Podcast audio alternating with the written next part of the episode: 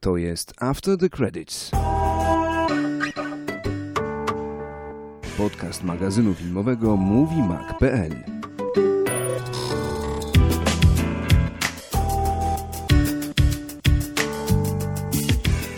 Minęło kilkadziesiąt minut od tej wiekopomnej dla polskiego kina chwili. Polska powoli trzeźwieje. Czy. Jackowo również wytrzeźwiało, Wojtek?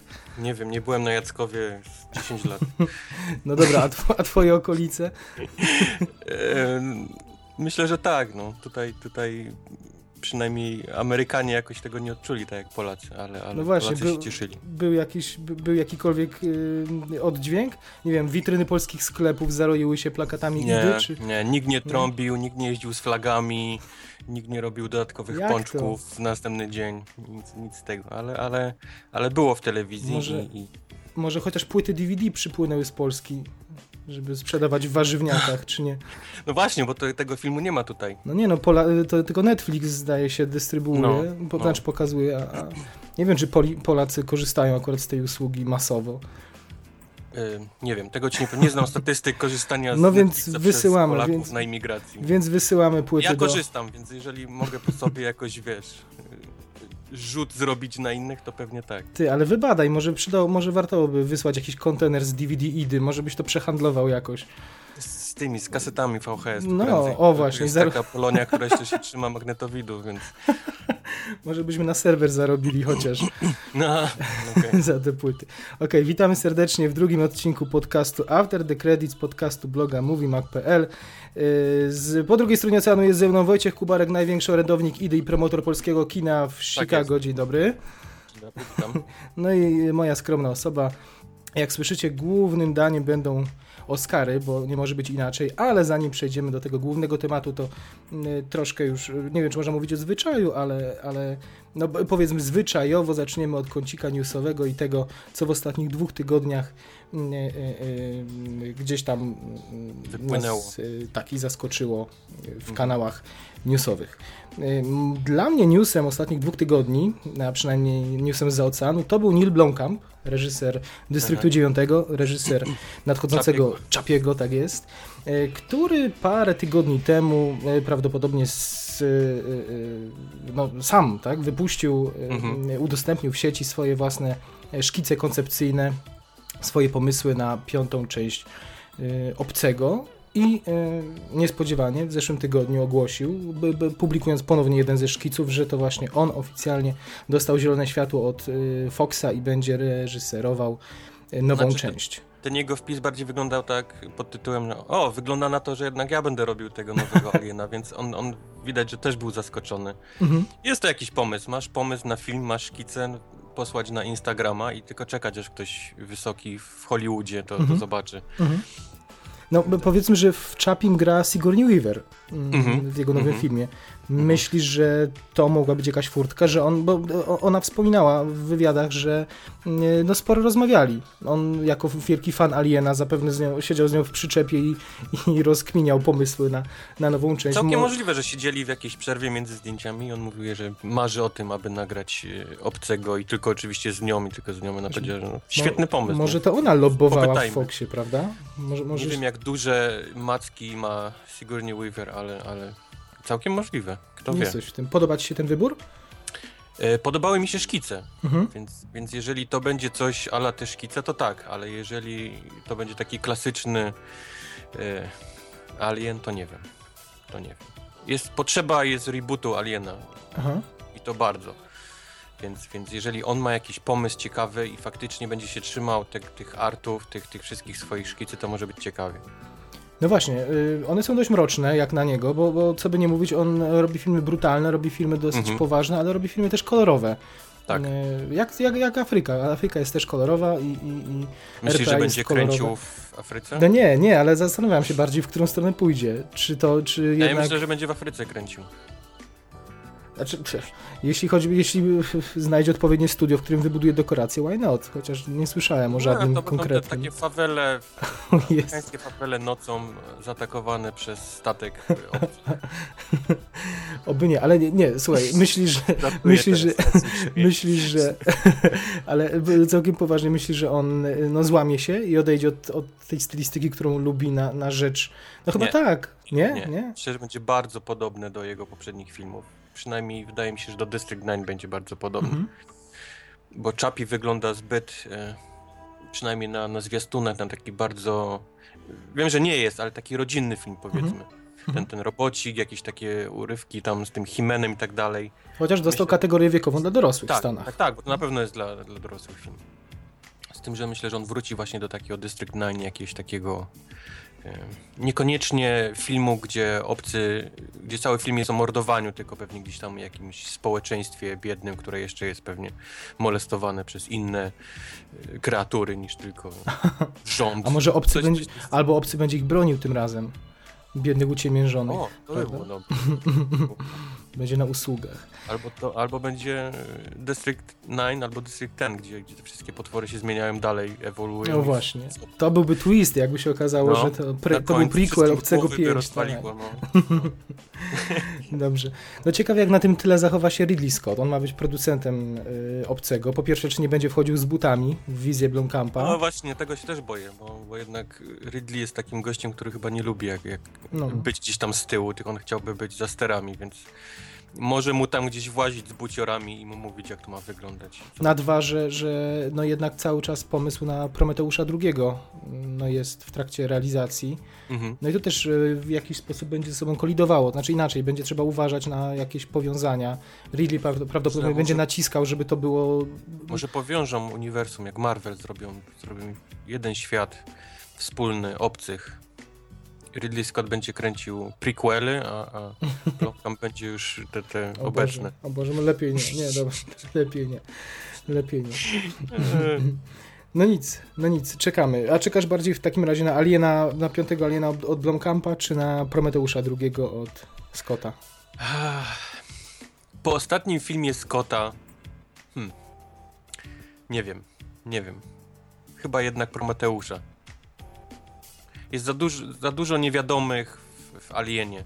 Mhm. Po, po, po Prometeuszu jednak pewnych rzeczy można się już spodziewać. Przynajmniej jak to będzie wyglądało, jak będzie brzmiało. No tak, ale mówisz, że, ale mówisz, że na Prometeusza czekasz, tak? Czy nie? Czy tak, jednak... chyba bardziej. Mhm, Chyba na bardziej. Tak, tak rozważam, bo, bo ostatnio Ridley Scott mi podpadł tym jego ostatnim koszmarnym filmem, Mhm. ale jednak mimo wszystko Ridley Scott to jest Ridley Scott i, i No tak, ja, ja, akurat lubię, ja akurat lubię Prometeusza, poza, poza... Dostrzegam wady, o których wszyscy mówią, ale... tak, tak. Ale atmosfera tego filmu, stopień dopracowania, de- de- dekoracji. Dlatego właśnie mówię, że pewnych rzeczy można się już spodziewać, jak, jak będą wyglądały, jak będzie brzmiał, jak, jak, jak, jak będą wyglądały dekoracje i tak dalej. No.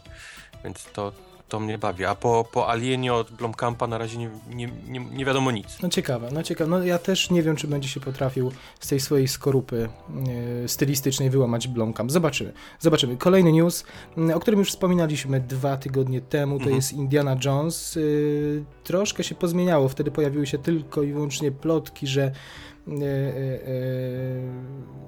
kto miał, miał zagrać główną rolę? Chris Pratt. Tak, Chris, Chris Pratt. Pratt.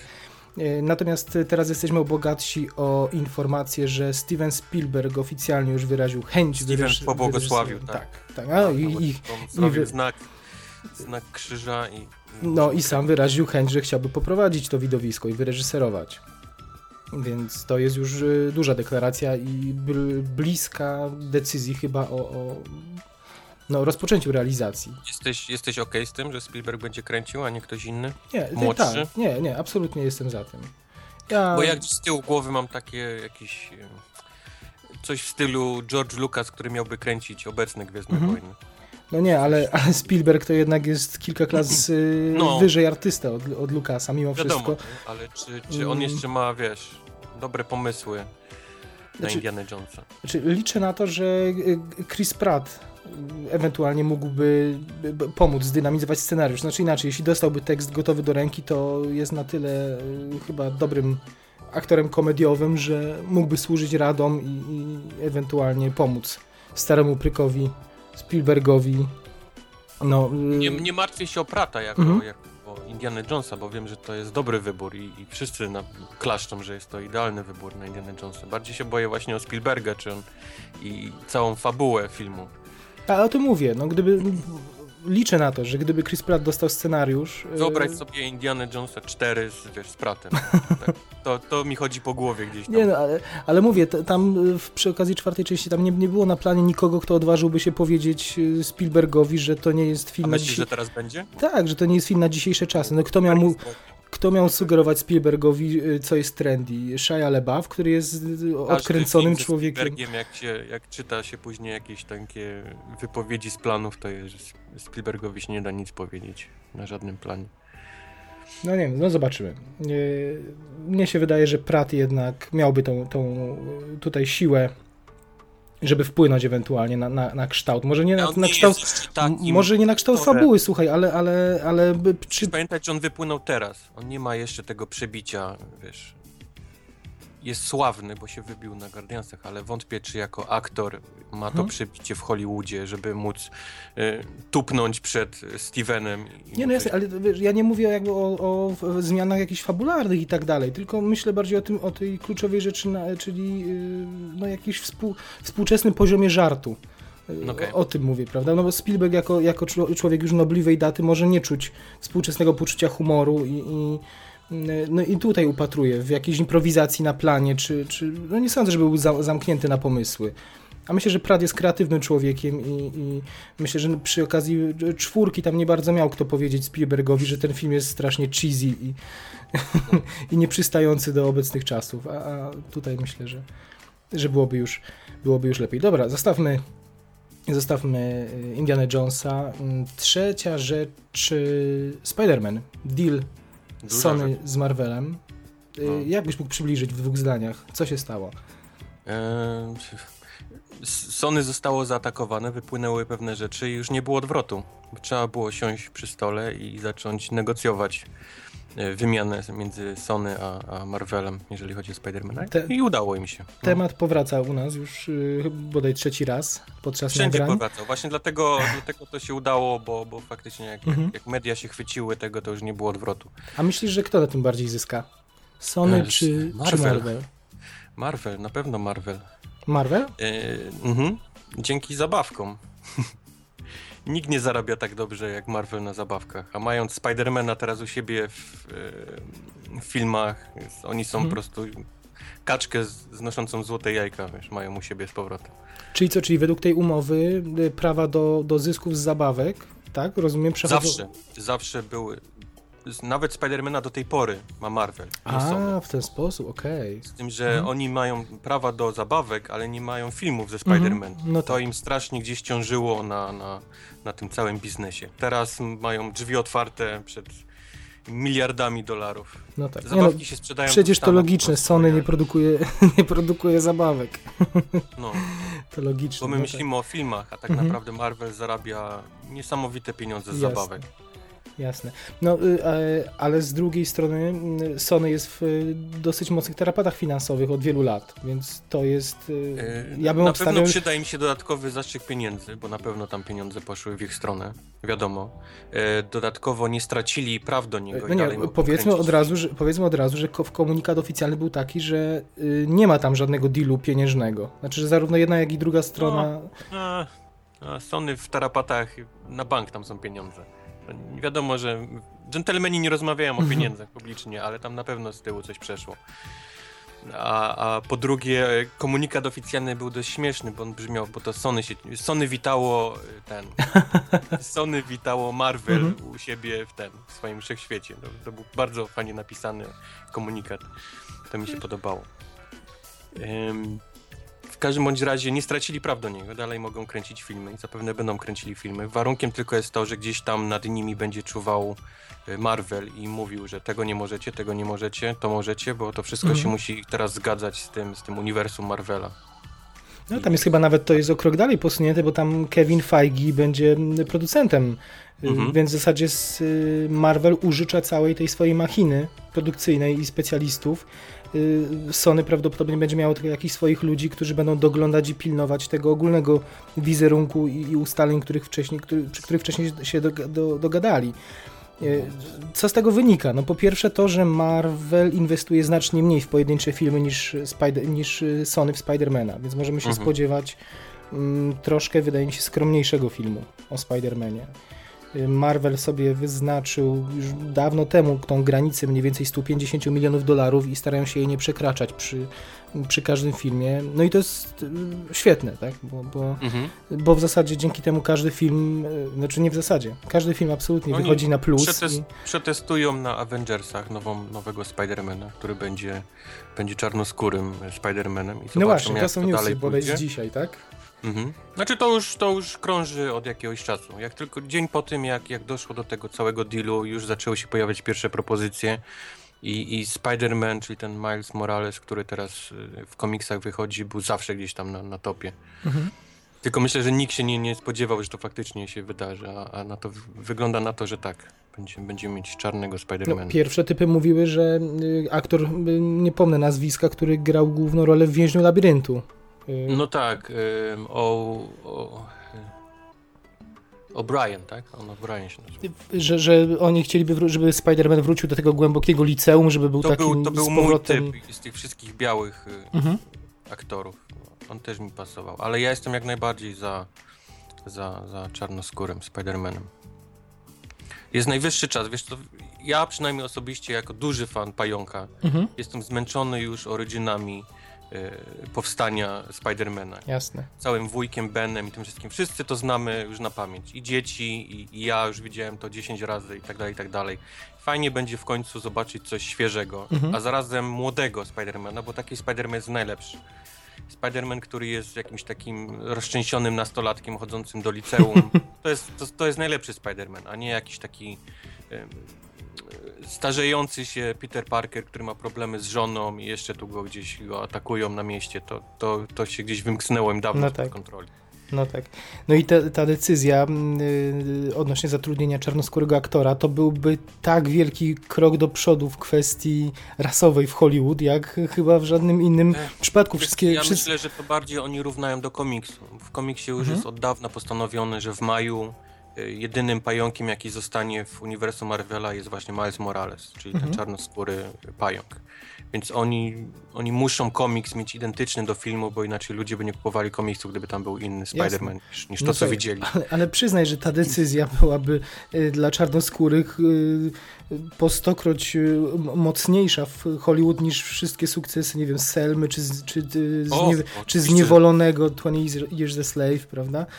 Czykolwiek byś nie, nie czytał jakichś e,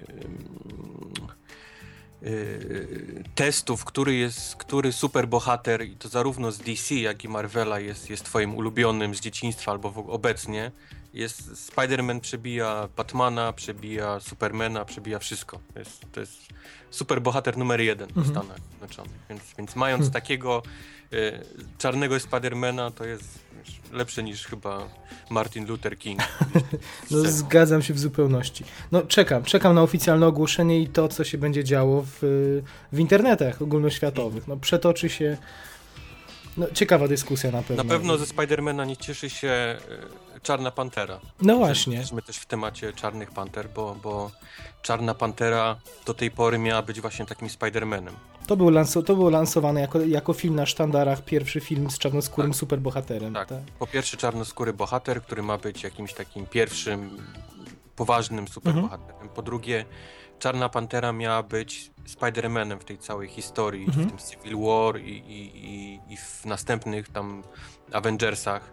I teraz właściwie mając Spidermana jest, jest Czarna Pantera niepotrzebna, więc jestem ciekawy jak oni rozwiążą ten, ten, ten problem. Już Okej. przesunęli film. Ta jedna rzecz mi właśnie mm, tutaj nie, nie pozwala myśleć o tym jako o jeszcze czymś pewnym, bo Marvel za bardzo przypromował Czarną Panterę właśnie jako, jako pierwszy film z czarnoskórym y, bohaterem. No tracą ten główny selling point, mm, który ściąg ściągnąłby ludzi do kin. Nie zdziwię się jak, jak się wycofałem całkiem z tego filmu. Mhm. To będzie taki, będzie się nakładał na to, co właściwie mogą teraz zrobić ze Spider-Manem. Mhm. Chociaż historia, ja, bym, ja bardzo chętnie jestem za, bo ta historia Czarnej Pantery, zwłaszcza w tym okresie wojny cywilnej, kiedy tam Iron Man się, się naparzał na, y, z Kapitanem Ameryką, to jest bardzo fajna historia, więc, więc zobaczymy. Może, może się z tego nie wycofają. No nie wycofali się z Człowieka Mrówki, to, to raczej i tutaj nie wycofają. Słuchaj, Aquaman, to jest kolejna rzecz, która, która mm, parę dni temu pojawił się pierwsze, y, oficjalne, nie wiem czy oficjalne, czy nieoficjalne, ale zdjęcie Jasona, Mom zdjęcie. Jasona mhm. Momoły, dobrze, dobrze mówię? Jason Momoa. Mhm. Tak, czyli aktor znany w zasadzie tylko z gry o Tron, prawda? Tak. I tak, to nikt, z... nikt więcej nie, nie wymieni żadnego innego filmu, o którym I słuchaj, my w Polsce, a przynajmniej y, ja i mi podobni, Aquamana raczej nie znamy. Nie przypominam sobie, żeby jakiś komiks z nim się ukazał. Być może Liga Liga Sprawiedliwości, któraś ostatnia mhm. go przybliżyła Polakom, ale to trochę mało. Powiedz, dlaczego to jest y, tak ważna postać, że ona była, y, plotki o niej, o, o castingowe plotki pojawiały się jeszcze przed Benem Affleckiem w zasadzie, przed, y, przed Batmanem, w tym filmie Batman y, Superman, w którym to Aquaman pojawi się po raz pierwszy. Eee... Czy to jest tak kluczowa postać dla tego uniwersum DC, czy... Wiesz co, to nie jest o tyle kluczowa postać dla tego całego uniwersum, ale to jest bardzo lubiana postać. Znaczy to jest taka postać, która z jednej strony wszyscy się śmieją, bo, jest, bo to jest koleś właściwie, który rozmawia z rybami i mieszka gdzieś tam pod wodą i te, te bardzo wczesne kreskówki, które leciały w Stanach, to właściwie wszystkie historie polegały na tym, że, że Aquaman ratował jakieś tam delfinki i, i, i wieloryby, więc, więc z jednej strony to jest taki duży troll, mhm. że wszyscy tą postać uwielbiają, a z drugiej strony fakt, przez te wszystkie lata chyba po prostu większość uwierzyła, że to jest faktycznie fajna postać i to jakieś takie została kultową postacią. Wszyscy lubią Aquaman. Wow. A to jest Dlatego... jakiś, porównałbyś, to jest jakiś y, odpowiednik kogoś w stajni Marvela, czy raczej nie ma? Nie ma? W Marvelu jest Namor. Okej. Okay. Okay. W Marvelu jest Namor, który, który, też jest władcą tam, tam o, całej to tej przypomina, przypomina mi się coś. Y, y, Namor to jest postać, do której prawa kupiło Universal 100 lat tak, temu, tak, prawda? Tak, tak, tak. tak. Oni to trzymają u siebie, to był chyba najgorszy deal, jaki w życiu, bo, bo kupili i, i właściwie nic od tej mhm. pory się nie pojawiło z Namorem.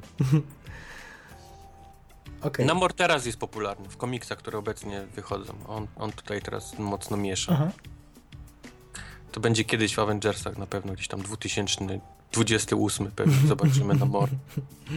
Jak Universal upadnie i prawa wrócą do, do Marvela. Zobaczymy. Mm, kończąc wątek superbohaterski, nie można nie wspomnieć o słowach Dana Gilroya, mm, człowieka, który dostarczył jeden z twoich ulubionych filmów w zeszłym roku, czyli mm -hmm. Nightcrawler. On mm -hmm. na mhm. rozdaniu tych niezależnych Oscarów Independent Spirit Awards, y, dzień przed, przed Oscarami, powiedział, że y, ze sceny odbierając nagrodę, że tak. niezależni twórcy kina z trudem przetrwali tsunami superbohaterów. No i co ty na, na to? Ja myślę, że Dan Gilroy trochę za, du za dużo mimozy wypił chyba przed od odbiorem tej, tej nagrody. Nie wiem dlaczego po co robić z siebie z jakiegoś takiego dziwnego męczennika Hollywoodu, gdzie on nie ma problemów z zrobieniem filmów. Po drugie, jego żona e, tym bardziej nie ma problemu, zwłaszcza, że, że brała udział w torze i... Właśnie, podejrzewam, że spora część, yy, yy, jeśli Dan Gilroy był producentem i współfinansował swojego Nightcrawlera, to możemy tak. sądzić, że, że spora część wypłaty René Russo, jego małżonki... Russo, tak, Stora pewnie poszła na ten film, więc nie wiem dlaczego, wiesz, bić rękę, która gdzieś mhm. tam, wiesz, karmi cię tak naprawdę. No ale widać, gdzieś mu to zaszło za skórę, nie wygrał nic praktycznie Nightcrawler, więc może to gdzieś mu ja nie wiem, no, trze trzeba, być, trzeba być ślepym, żeby nie dostrzegać, że filmy z superbohaterami no, jednak ewoluują, wyewoluowały w stronę, no... To, to A może nie... dostawał maile od złych fanów Marvela, że poszli na Nightcrawlera i nie było tego X-Mena żadnego w. Dobrze, dobrze. Że się wkurzył. tak, tak. E, no, chyba, chyba, nie wiem, nie, nie, zauważył, że te filmy już dawno opuściły tą, tą szufladkę kina tak. dla półgłówków czy dla dzieciaków i, i to jest naprawdę często fajne, inteligentne kino. I zaczynają się pojawiać też na Oscarach, co ciekawe. Właśnie. Mhm. W różnych kategoriach, już nie tylko jakiś tam dla dzieci, ale, ale co mieliśmy w tym roku za charakteryzację, był, byli Guardiansi, Zdecydowanie. Mhm. No, kilka, efekty specjalne. kilka, się, kilka się udało. No, jeszcze pewnie parę lat zaczekamy, żeby, żeby w tej głównej kategorii mm, jakiś film komiksowy się pojawił, No. ale już. Yy. Przy okazji Mrocznego Rycerza Christophera Nolana mieliśmy przecież nominacje w y, kilku głównych kategoriach. Mm, No, na razie wido- najwidoczniej No, jedynym... tylko to musi być właśnie, albo Tak. to musi być Nolan i musi być ciemno, ponuro. O i- tym mówię, że jedynym albo- sposobem jest na razie... Albo nie, albo w ogóle na razie jeszcze nie. nie. Na, na razie trzeba opowiedzieć ekstremalnie realistycznie o superbohaterach, żeby się dostać do, do, na szczyt w Hollywood. Mhm. Y, Do jakichś, do jakichś nagród, ale no, to myślę, że kwestia, kwestia czasu. Okej, zamknijmy ten powiedzmy kącik superbohaterski, Y, a na moment otwórzmy drugi z naszych ulubionych kącików, czyli kącik Gwiezdnych Wojen, Y, bo oto pojawiła się plotka, że aktor grający, Kings, y, grający w Kingsmanie, Mhm. y, aktor młodego pokolenia miałby zagrać Hanna Solo w spin-offie. To dobry wybór twoim zdaniem? E, Myślę, że po każdym dobrym filmie, gdzie jakiś młody aktor zagrał, zaczyna, pojawiają się plotki, że będzie następnym właśnie Indiana Jonesem, Hanem Solo, Luke'em Skywalkerem, więc, więc na razie brałbym to z przymrużeniem oka. Nie? Mhm. Na razie Ale czy dobry wybór? Ale czy, czy gdyby był to młody Han Solo, to twoim zdaniem to jest fajny wybór, czy, czy nie? Eee, moim zdaniem jest. Nie wiem w jakiej. Epo, w jakim momencie życia Hanna Solo chcą to kręcić, ale jeżeli powiedzmy w podobnym niż, niż oryginalne filmy, to jest on za młody moim zdaniem. Mhm. On musi mieć to takie na twarzy, to takie trochę doświadczenie z bycia gdzieś tam tym, tym przemytnikiem i dostania po dupie nieraz w życiu, żeby, żeby teraz wiedzieć, co jest dobre, a co jest Mhm. złe. A, a po tym aktorze nie wiem, czy to zobaczymy. On jest troszkę za młody jeszcze. No ale to może będzie dzieciństwo. Kroniki je- młodego Solo. Nie wiem, jeżeli to będzie dzieciństwo i że to będzie ten okres, kiedy on faktycznie zostawał tym przemytnikiem, to kto wie? Kto wie? Może pasować idealnie do tego. No jest jeden problem, to on ma taką bardzo, to, to jest zdaje się Brytyjczyk i ma taką bardzo brytyjską urodę bym powiedział. Y, Eee, no, A Han Solo... język na pewno nie jest problemem, bo Brytyjczycy jak nikt inny potrafią, potrafi, potrafią przełączać się między amerykańskim a brytyjskim. Więc... Nie no, jasne. jasne. Bardziej chodzi o stronę wizualną. Tam niewiele ma w twarzy z Hanna Solo, y, z tego, z Harrisona Forda. Ale może No to nie- jest... może to właśnie, nie jest Właśnie to jest może najwyższy czas kogoś odciąć się od, Mhm. od Sona Forda w końcu.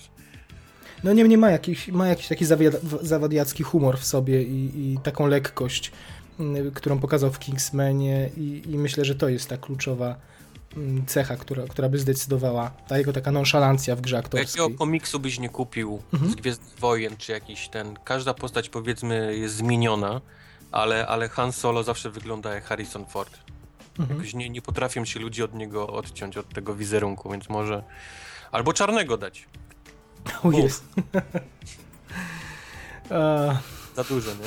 Tego by nie przeżył. nie, na razie dajmy Spider-Manowi. Zobaczmy jak jest. Właśnie na Niech wybada. Przetestujmy. Niech wybada teren i najwyżej y, za 10 lat na przykład. No, y, Taron Egerton to jest człowiek, który, Eger. który miałby być nowym Propos jeszcze wrócę do Spidermana, też Mhm. brany pod uwagę Dave Patel. To jest aktor, który w Newsroomie grał tego takiego e, młodego kolesia. No i przede wszystkim zajmował- Slamdoga, milionera z Albo ulicy. Slumdogu, tak, tak. Mhm. Więc on też był długo brany pod uwagę. Też się zastanowił Marvel, czy nie chcą mieć e, Hindusa jako Spidermana. To też byłby duży, duży rynek. Mhm. Indie wiadomo, duży, duży kraj. Ale gdzieś to upadło. No ciekawe, ciekawe to co mówisz. Mm, Z castingowych newsów y, jeszcze mamy tutaj Assassin's Creed. Assassin's Creed. Wreszcie ruszyły yy, nad nim zdjęcia. Dłu- dużo się mówiło, już gdzieś tam był Fassbender od dawna zaklepany. Tak, premiera była, premiera była przesuwana kilkukrotnie, znaczy premiera, data premiery.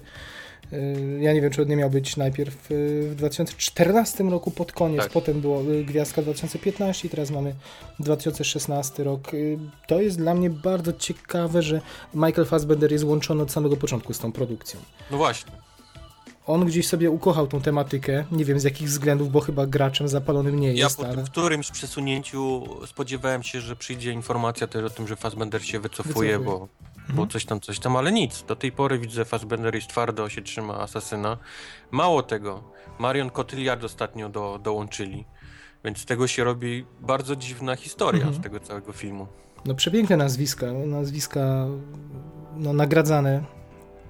Na, Nikt nazwiska, chyba nie które... pasuje tak dobrze jak Marion Mhm. Nie? Do, do filmów z asasynem. Tak, zgadzam się, jak I najbardziej. akcent, i, i, i uroda, Mhm. To jest bardzo dobry wybór. No, mówiło się, że... Dalej, dalej mam jakoś w głowie niezbyt dobry film. I, i, te, I te takie dobre nazwiska jakoś nie, nie, nie bardzo mogę na razie połączyć z obrazem. Tak, ilekroć poja- pojawia się na horyzoncie widmo mm, ekranizacji jakiejkolwiek gry wideo, to pojawiają się takie słowa i nadzieje, że być może to jest ta pierwsza ekranizacja, która w końcu okaże się czymś, czymś więcej niż przeciętnym filmem, bo, bo nie, ma, nie mieliśmy nigdy szczęścia do ekranizacji gier wideo. Mm, No i Zwłaszcza tutaj jak jeszcze weźmiesz pod uwagę reżysera. E, Kurcel? Kur, Kurcel jakoś tak w się każdym razie człowiek mało doświadczony przez Nie, absolutnie zero Prawda? doświadczenia Mhm. w film. Nic, nic nie zrobił czego, co warte byłoby oglądnięcia, czy nawet jest znane. Więc, więc tym bardziej właśnie nazwisko Fassbendera i Cotillard gdzieś tam No nie, nie, zapytania. niesamowity jest ten kredyt zaufania, który tematyka dostaje od Michaela Fassbendera od kilku lat. On jest przy tym filmie nie tylko jako główny, główny aktor, ale też jako producent. Y, Tylko, że y, niepokoi mnie, bo Michael Fassbender ma grać postać, y, która jest w teraźniejszości, prawda? Mhm. Natomiast to, ta teraźniejszość, jak wiemy w grach, stanowi bardzo niewielki element fabularny. Ciekawe, być może to Ja jest klucz, że on, poja- on pojawi się jako... wątek, wiesz co, w filmie. E, A, że głównie we współczesności będzie się dział, tak? że będzie głównie siedział w współczesności, że to będzie ten największy, powiedzmy, atut filmu, że, Mhm. że takie e, przenoszenie się myślami do, do przyszłości, aby czegoś się dowiedzieć, to będzie część tylko filmu. On się będzie Okej. dział w dużej mierze w przyszłości.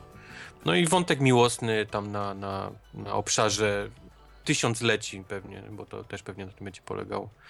Że zakochany Fassbender gdzieś tam w średniowieczu będzie zakochany w Marion Cotillard gdzieś tam w współczesności i tak dalej, i tak dalej. Tak strzelam, takie są moje typy. Ciekawe. No jest szansa na, na pierwszą porządną ekranizację gry wideo. Czy jest taka sama szansa w wypadku gry Hitman, której mm, zwiastun ekranizacji pojawił się też ostatnio? Tu będzie, tu będzie ciężko, bo, bo gracze, ci tacy najbardziej hardkorowi, już wydali swoją opinię i są na nie, z tego co, co większość widziałem. Gdyż gra jest, jest typu powolnej skradanki, jakiegoś takiego planowania pomysłowego i egzekucji tego wszystkiego, co wymyśliliśmy, żeby, aby osiągnąć jakiś cel. Tymczasem po tym zwiastunie jest, jest e, Michael Bay, no tutaj nie da się, nie da się inaczej powiedzieć. Jest dużo wybuchów, dużo dziwnych y, jakichś mm, akcji kaskaderskich typu Fast and Furious Mhm. i tak dalej. i tak Powiedzmy dalej. króciutko, Hitman to jest seria gier o płatnym zabójcy, który jest jednocześnie klonem. Charakterystycznym elementem jest jego łysina i kod kreskowy na, Tak, po, na tak, potylicy. jak taka or- po, pozarządowa organizacja, która klonuje ludzi i trenuje ich na, na, na morderców, Tak, i- na i- asasynów. I jakieś, nie wiem, 8 lat temu? Mm, Mhm. 7-8 lat temu była już jedna próba ekranizacji z Tim, Tim Olifantem w roli głównej. Tam y, wszyscy ludzie, wszyscy fani gry y, żądali wręcz wina Diesla albo Jasona Stathama w y, roli głównej. Gra ma niesamowite grono fanów i to takich naprawdę oddanych, więc każda ekranizacja jest, jest, jest mocno mieszana z błotem. No i tu też wygląda na to, że, że jednak film bierze tylko z gry markę, a stylistykę ma totalnie od, odmienną. Tak jak mówisz, no, Mhm. głównie rozwałka. No trzeba wziąć pod uwagę, że Agent 47, bo tak się nazywa pełny film, w tym, w tym tytule jest, jest złą postacią. To nie jest główny bohater. Głównego boha ga- bohatera gra Zachary Quinto. I to on jest jakimś takim naszym poszkodowanym gościem, którego ściga właśnie Zachary Quinto, czyli Spock ze Star Treków. Spock. Tak. Mhm. Więc to chyba jest to, co najbardziej się nie spodobało fanom, Aha. że, że, że Agent 47 jest zły w tym filmie. A czy ja dobrze widziałem na zwiastunie, że główny bohater ma troszkę włosów jednak? Yy, Tak troszkę się, włosów? Tak mi się wydawało, łysy. czy jest całkowicie łysy. Jest całkowicie łysy. Tak, przynajmniej Okej. tutaj zostawili to. Okej, okej. No, wygląda to nie mniej jak film ra przeznaczony raczej na rynek DVD, tak, tak dla mnie to wygląda i nie wróżę tutaj, tutaj zbytniego sukcesu. Ale pójdziesz O. pewnie, tak? Oj, pójdę. Z bo, sentymentu bo i grę chociaż. lubię Mhm. i, i jestem, jestem bardzo ciekaw, jak, jak, jak, jak sobie poradzi. Jasne. Poza tym tam są jakieś polskie korzenie chyba w, w reżyserce tego. Wszędzie są polskie korzenie teraz. Wszędzie odnajdujemy polskie korzenie. Aleksander Bach jest, jest gdzieś tam chyba z Lublina, czy Aha. gdzieś, no. Więc To też jest ciekawe. Mały taki, wiesz, info. Okej, zamknijmy temat newsów, przejdźmy, ale szybciutko, bo, bo y, głównym daniem ma być, mają być y, Oscary, ale wspomnijmy o dwóch filmach, które widzieliśmy w ostatnich dwóch tygodniach. Mm, Pierwszym jest Kingsman, który teasowaliśmy już na poprzednim na, nagraniu. Ty już mi długo go teasowałeś, bo widziałem. Teasowałem go wcześniej, bo oto stała się rzecz przedziwna. W Polsce film miał swoje przedpremiery, a w Stanach musiałeś czekać grzecznie do 13 lutego, żeby go Mhm. zobaczyć. Nie wiem, jak to się stało. Ale mam wrażenie, że w ogóle chyba w Stanach bardziej jest ten, ten fetysz daty premiery i rzadko robi się chyba przedpremiery tydzień czy dwa tygodnie wcześniej, prawda? Nie, Jest, da- trzyma, no. jest data premiery na plakacie i, i- i basta. Tak to wygląda. Jest data prawda? premiery wszystkiego, to samo jest y, i z... em, W grach wideo z płytami DVD prawda? i z grami wideo Mhm. jest identycznie. Nie, nie ma absolutnie żadnego łamania daty Mhm. Nie wiem, to zakładam, że w Polsce też nikt tego nie robi samowolnie. Raczej to jest w porozumieniu z dystrybutorem. Natomiast faktycznie u nas y, no, najwidoczniej ta, ta Nie ład- wiem jak to wygląda, ale wydaje mi się, że jakby ktoś w kinie postanowił puścić tydzień, to by puścił i nic by nie miało sobie żadnych Mhm. problemów. Jasne. powodu. Jasne, ale u u nas podejrzewam, że też ta łatka przedpremiery dużo daje, że coś jest y, tydzień wcześniej, sieć ogłasza, że ma przedpremiery, to od razu y, ludzi ciekawi, że hmm, jeśli to ma, to jest pokazywane na, na, na to, to, słowo przedpremiera budzi jeszcze jakiś dreszcz emocji w Polakach i od razu każe się za, Mhm. zastanowić, czyli to musi Jestem, być coś, jestem, muszę być spe specjalny, nie? Tak, tak, tak. Coś- coś musi być w tym filmie, a poza tym ja będę się czuł jeszcze dowartościowany, bo zobaczyłem go przed wszystkimi. No na dobrze, to jest jakiś sposób na biznes No. taki. No, no. Tym bardziej, że na takie filmy raczej się, ra, raczej niewiele osób y, w Polsce się wybiera, więc y, fajnie, że szukają. Być, być może, a powinni, a powinni, ale to jeszcze musimy trochę społeczeństwo powychowywać. A dlaczego powinni e, wybrać się na Kingsmana? Jaki E, jest główny atut twoim zdaniem tej, tej pozycji? Główny atut tej pozycji to jest parodia Jamesa Bonda zrobiona w bardzo przyzwoity sposób.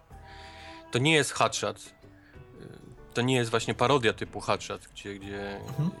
Jest próba zrobienia debili właściwie z całej marki y, Jamesa Bonda, tylko to jest bardzo tak smakowicie zrobione, bardzo humorystycznie e, zrobione James Bond w krzywym zwierciadle, Mhm. nazwijmy to. Czyli wszystkie takie gagi, które spodziewalibyśmy się i które oczywiście się pojawiają, są w tym filmie i są wyśmienite.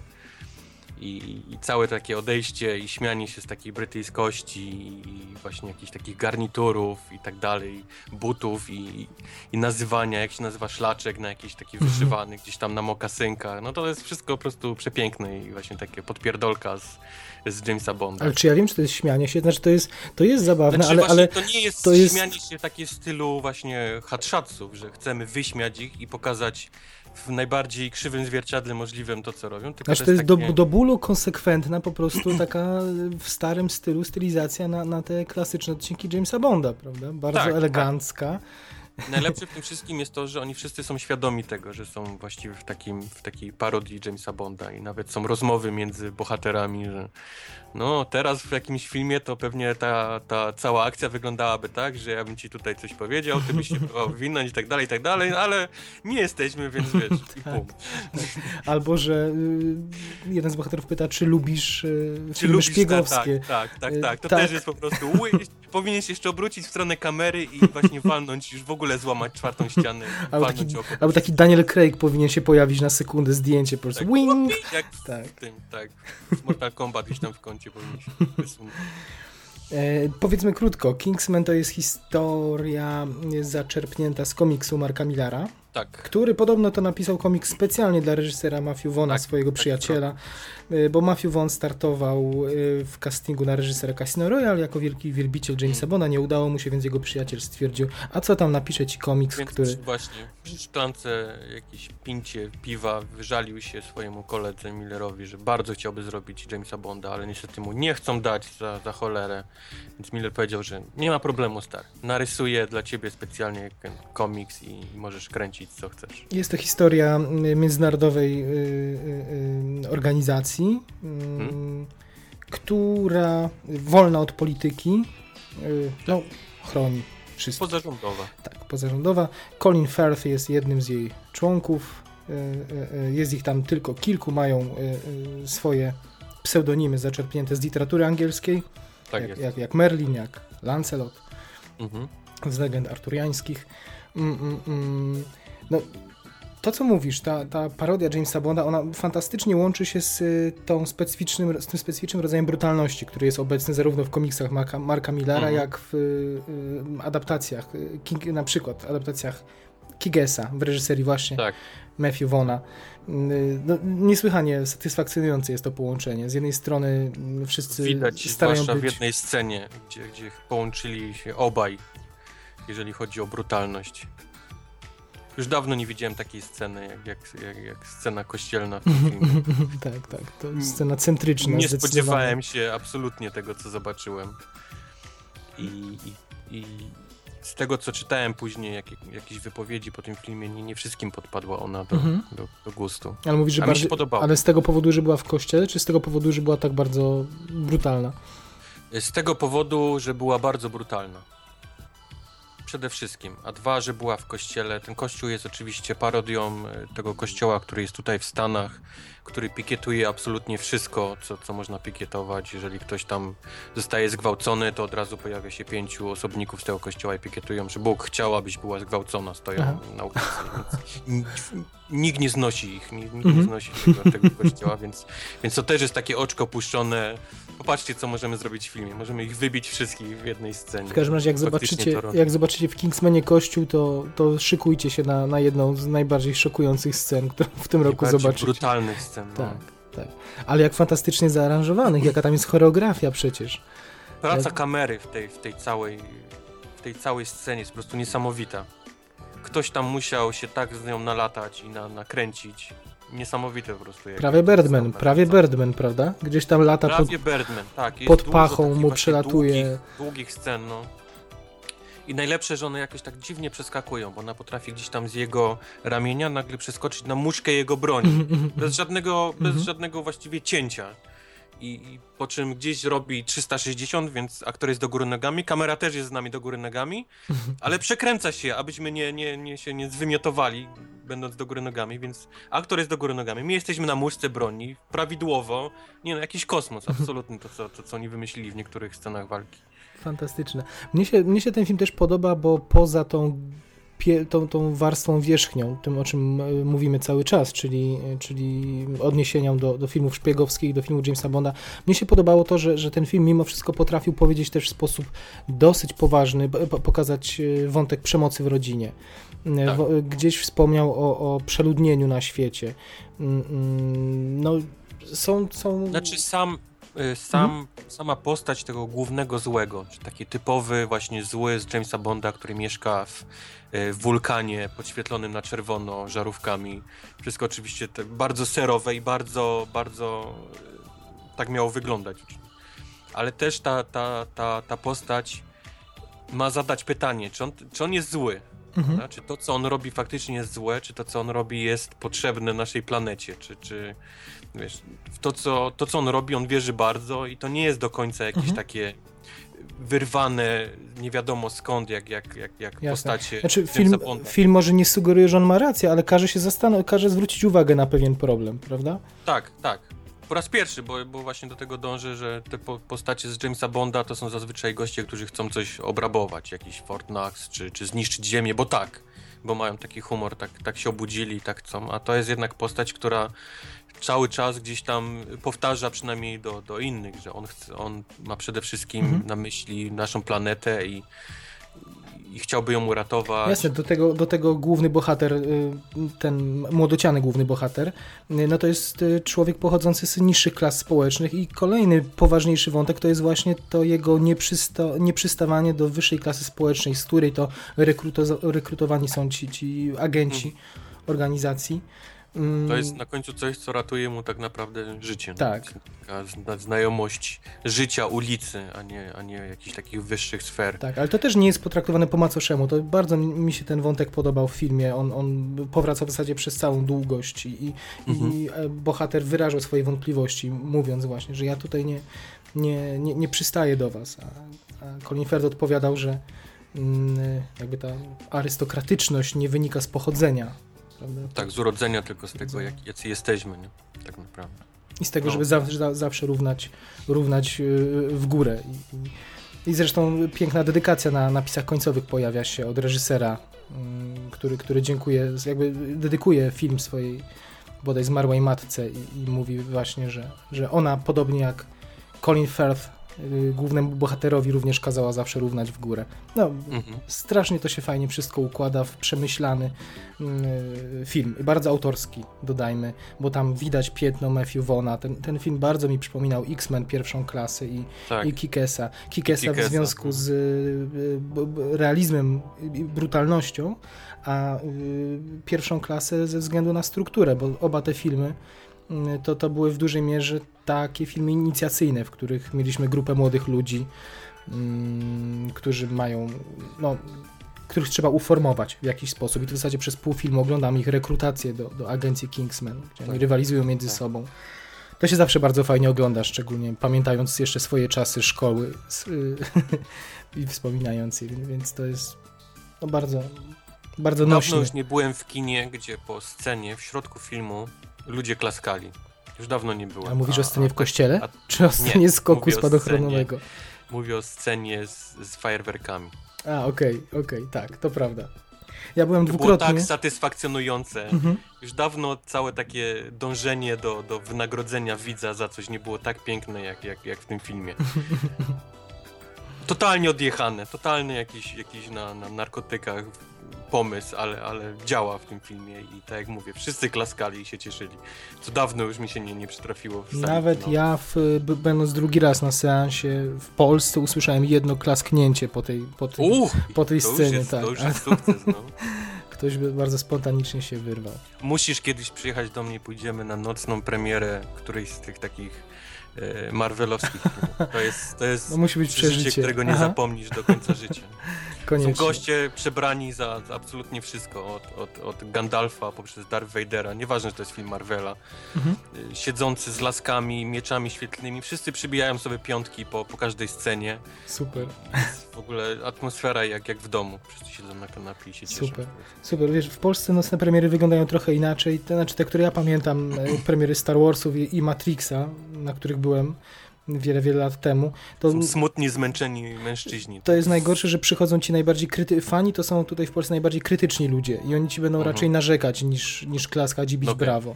Marudzić, czy, czy... I to w trakcie filmu psując seans inny, więc przestałem chodzić na takie nocne premiery, bo O, no...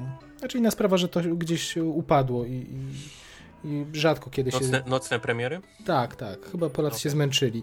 Ostatnio gdzieś y, to próbowano reaktywować przy okazji Hobbita faktycznie.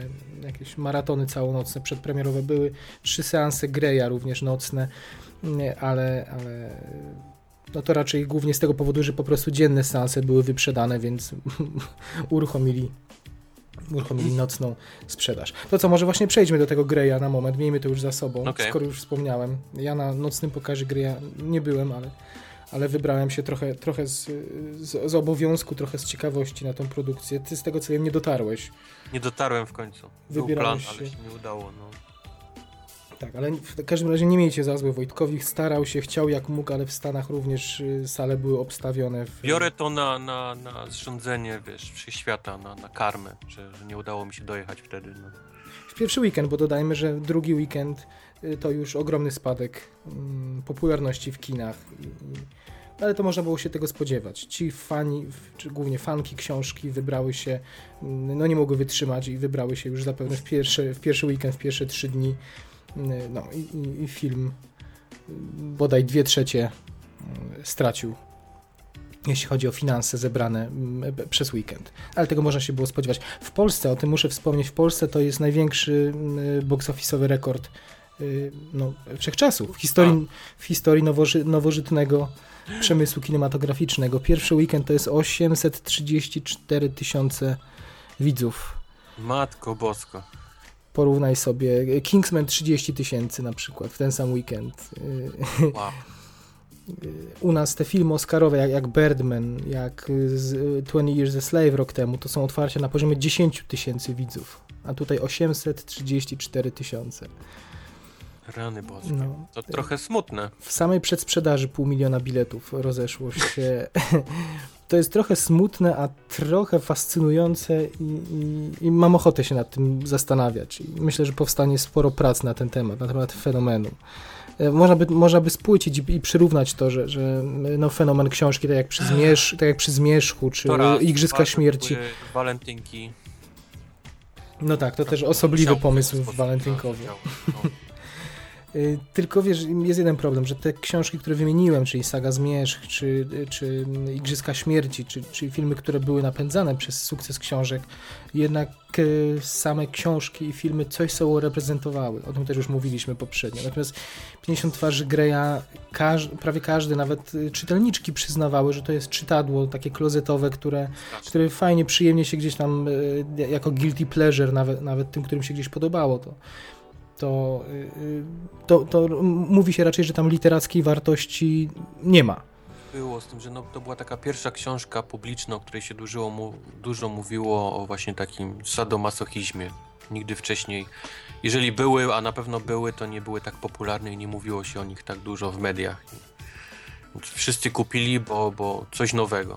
Tak, kupili pierwszą część, ale z tego co zrobiłem, z tego, bo oczywiście nie czytałem książek, ale zrobiłem sobie research, jak to y, dalej wygląda w kolejnych częściach i, i, i chyba sukces tej serii wynika też z tego, że ta, ta, książka, w związku z tym i trylogia filmowa, ona w tej pierwszej części obiecuje gorący romans y, z, w bardzo niekonwencjonalnych okolicznościach tak. z mrocznym człowiekiem, ale tak naprawdę z każdą kolejną książką i tutaj z filmem będziemy zmierzać do bardzo konserwatywnego finału.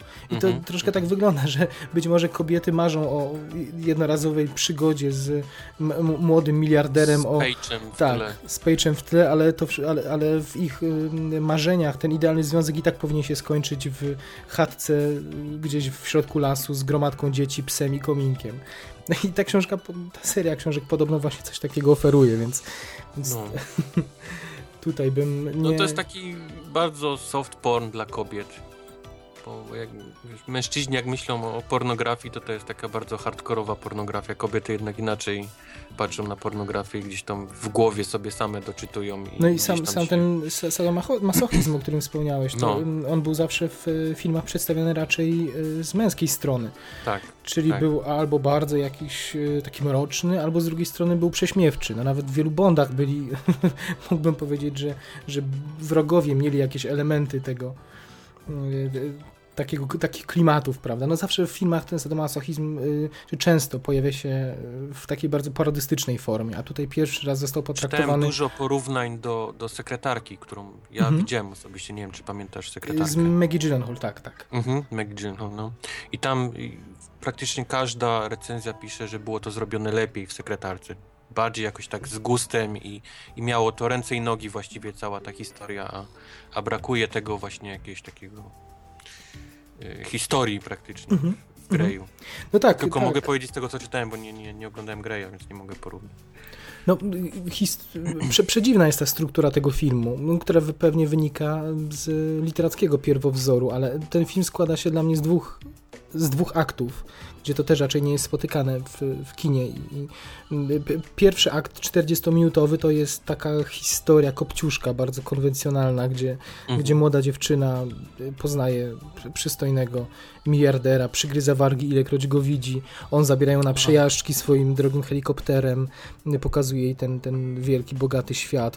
Ona marudzi, że zepsuje się komputer i nie ma na czym pracować. Wraca do domu, a tam technik już, już montuje nowego Maca po prostu i pewnie wszyscy na sali, wszystkie kobiety w tym momencie rozpływają się, że też chciałyby dostać Maca od, od y, bogatego milionera. Sam bym chciał. Może w kolejnej części Może. się pojawisz się, tak przepraszam. Czy ja też mogę dostać komputer? Czy ja mógłbym dostać Maca? Czy dodają Maki? Za pięć batów. U, chciałbym. E, więc, więc to mnie się nawet jeszcze, to, to się oglądało bez bólu, no. Nawet, nawet miałem momentami wrażenie, że sobie troszkę żartuje pani reżyser Sam Taylor Johnson z tej konwencji, bo było to tak bardzo kliszowe i, i nie odbiegało od tysiąca innych filmów romantycznych, że nawet to się sympatycznie oglądało. Natomiast ten te kolejny akt, który trwał w zasadzie godzinę 20, to to przedziwna rzecz. No. Y, oni spacerowali między kolejnymi pomieszczeniami, czy kole, między kolejnymi lokacjami i co chwilę negocjowali warunki y, tego kontraktu, wokół którego kręci cała fabuła i tego y, kontraktu na bycie niewolnicą. No i okej, okay, to można znieść przez 10 minut, ale mniej więcej struktura tej, tej, tej tych dwóch trzecich filmu wygląda tak, że y, spotykają się w pomieszczeniu, rozmawiają na co, do czego mogą się dopuścić, a czego nie. Cięcie. Przyznają dyplomy na uczelni y, tej młodej dziewczynie, y, uczelni, której fundatorem jest Grey wręcza jej dyplom i pyta, czy zdecydowała się na podpisanie kontraktu. Ona mówi, że jeszcze nie i że leci do mamy gdzieś. Leci do mamy, Grey leci za nią. Spotyka mamę przy stole i pyta dziewczyny, czy podpisałaś kontrakt, czy się zdecydowałaś. Matko święta, no ile można? Okay. Znaczy, znaczy ja, ja rozumiem, być może książka tak wyglądała, ale to jest nie, tego nie da się oglądać po prostu. Znaczy, można to jest materiał na 20 minut, a nie na godzinę 20. Znaczy to coś, co opowiedziałem. A oni chodzą tak i chodzą i rozmawiają o tym do samego końca w zasadzie. Tam nie ma kulminacji, tam nie ma finału.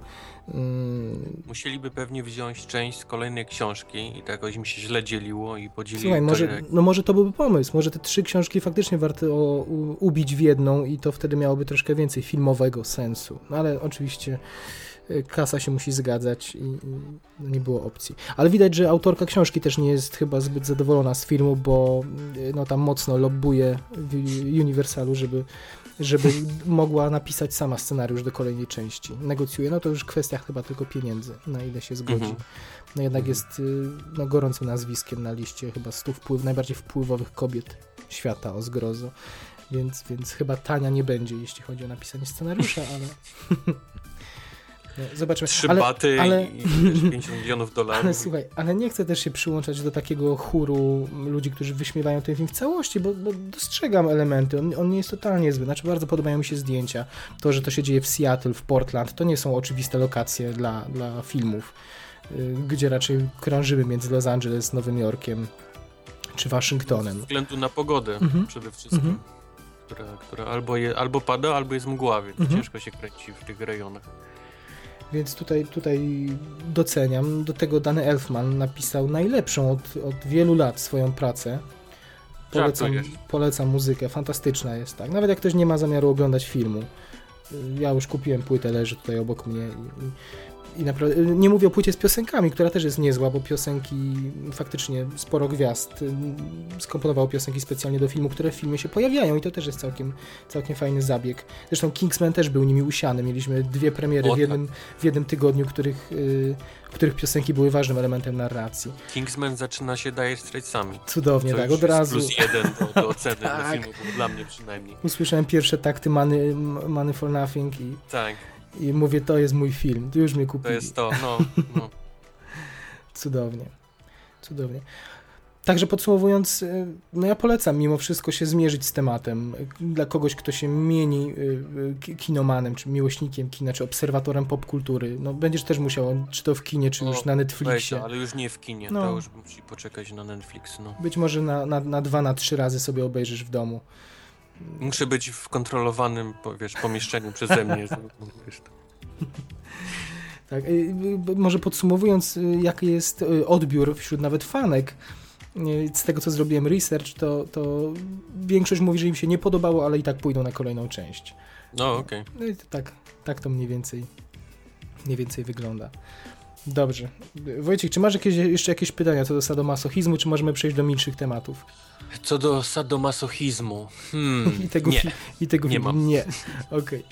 Okay. No to. Mm, mm, mm to znaczy, się... mam dużo, ale to nie na tym podcast. Okej.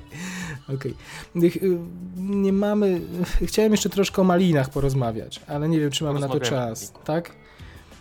Wojciek, powiedz, szybko, bo, bo wszystkie są bardzo, mhm. bardzo trafne tym roku. Ty mi powiedz lepiej, co to jest za film, który rozbił bank i dostał tych malin najwięcej. Kirk Cameron's Saving Kirk Cameron Christmas. Saving to Christmas jest? to jest absolutny stolec. absolutny stolec. Nie wiem, czy, czy gdyby poprosić dzieci z podstawówki o nakręcenie filmu, to czy nakręciłyby tak zły film, jakim jest właśnie mhm. Kirk Cameron Saving Christmas. Ale on jest technicznie absolutnie zły, czy on został bardziej za tematykę? On jest, on jest za wszystko, absolutnie za A wszystko. powiedz, co to jest. Znając bo... od koszmarnego aktorstwa poprzez absolutnie idiotyczny, głupi, głupią fabułę. Tam nic się nie, nie dzieje. Okej, okay, ale po, powiedz o czym, to, o, o, czym to jest film. On był normalnie w kinach w Stanach? On był normalnie w kinach w Stanach, tak. Bo to jak, jak coś ma słowo Christmas, to, to ściąga ludzi, zwłaszcza w okresie grudnia, więc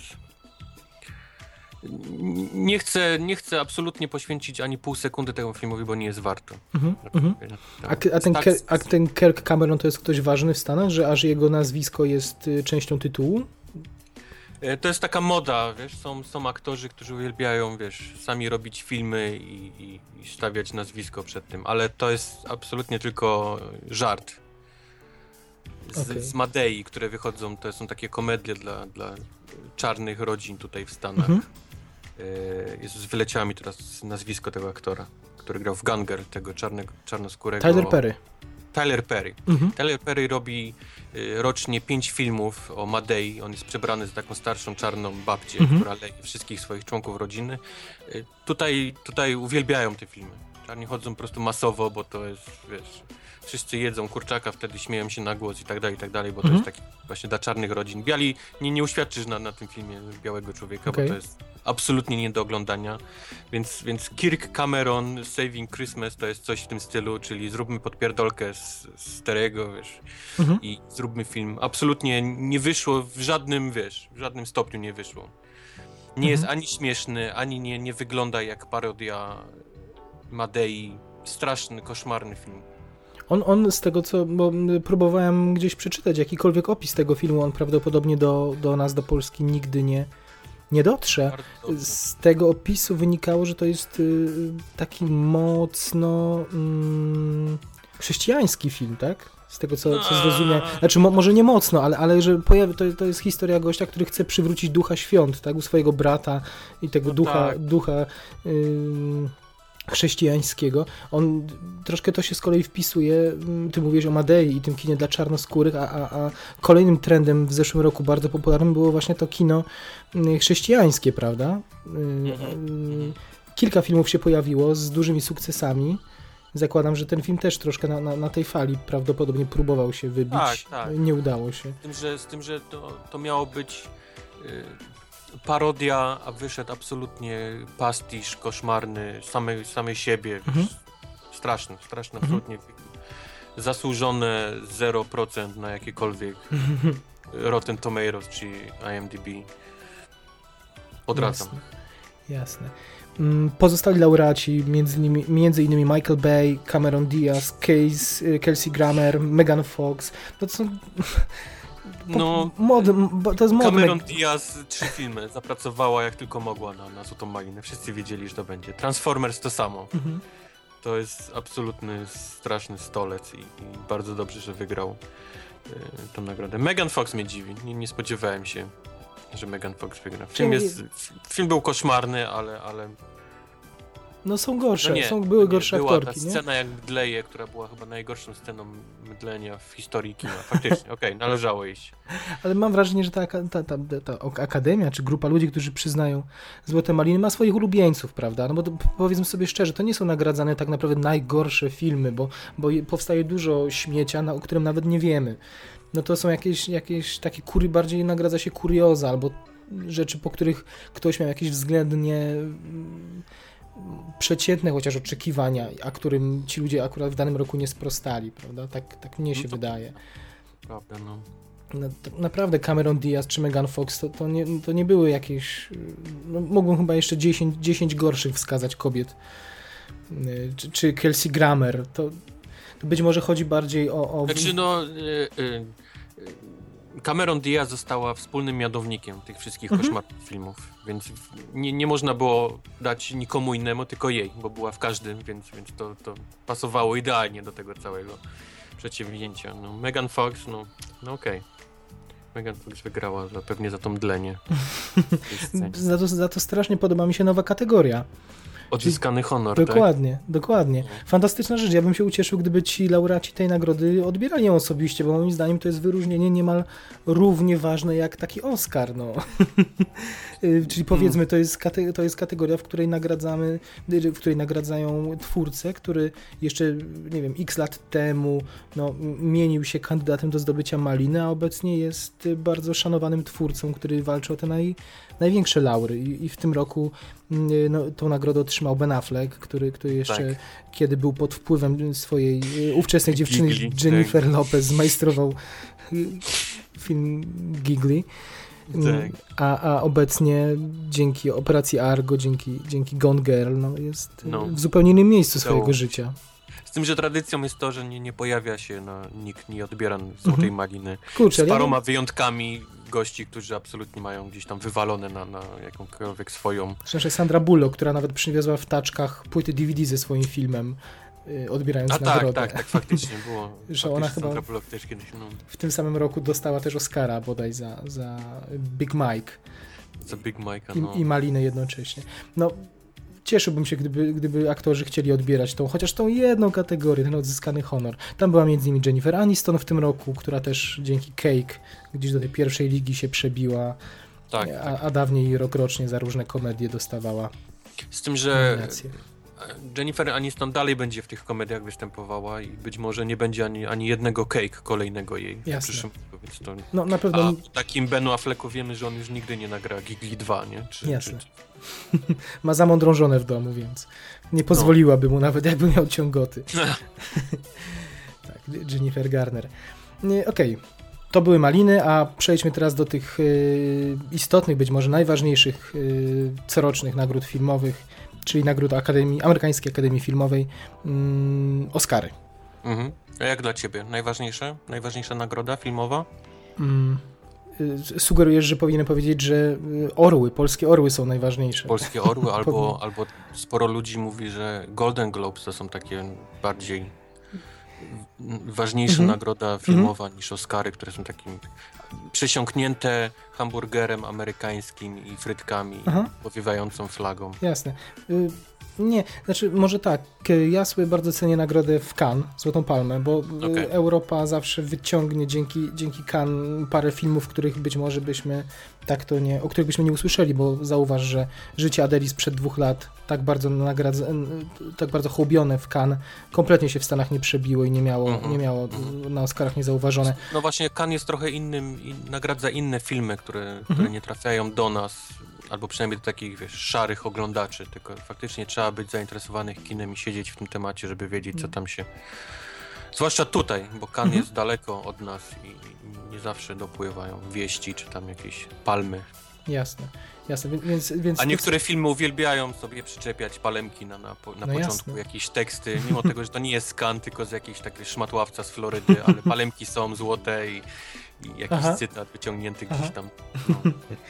No, czy, czy na przykład y, z- ubiegłoroczny zwycięzca, czyli y, Winter's Sleep, no też w Stanach, chyba nie Mhm. mieliście premiery, Nie, nie. film, film Ceylana. Mm, także Ka- Cannes lubię, ale y, unikałbym tego, nie lubię mówienia o Oscarach jako imprezie li tylko hamburgerowej, czy, czy pełnej blichtru. Znaczy to się to fajnie takie wyroki ferować, ale oczywiście to też jest, są celebryci na, na dywanie, są y, aktorzy właśnie z Greya, który to nominacji nigdy nie dostanie, ale no, to wszystko musi być po to, żeby tą galę chciało oglądać 40 Tak. milionów y, ludzi w Stanach, ale to dla mnie jest y, okej, ja jestem w stanie zgodzić się, że musimy taką cenę zapłacić, żebyśmy mogli oglądać Triumfy, czy, czy Birdmana, czy Boyhooda, czy y, Foxcatchera, który nie triumfował, na którego bardzo Właśnie liczyłem. brak, brak triumfu. ale, ale szanse na triumf, tak? No, No tak. te- na te filmy chodziło stosunkowo niewielu ludzi i myślę, że gdybyśmy tylko o tych filmach w y, obrębie takiej gali mówili, to, to nikt nie zainwestowałby w y, Oscary takich pieniędzy i, i, i nie wyglądałyby one tak, jak wyglądają. Zgadza się. Także absolutnie mnie ten, ta otoczka Oscarów y, nie razi, a uwielbiam Oscary, bo to jest jakiś też barometr, papierek lakmusowy tego, czym aktualnie kino Mhm. kino żyje, w którą stronę może pójść, ale nie musi. Te, te Oscary też dużo mówią o wrażliwości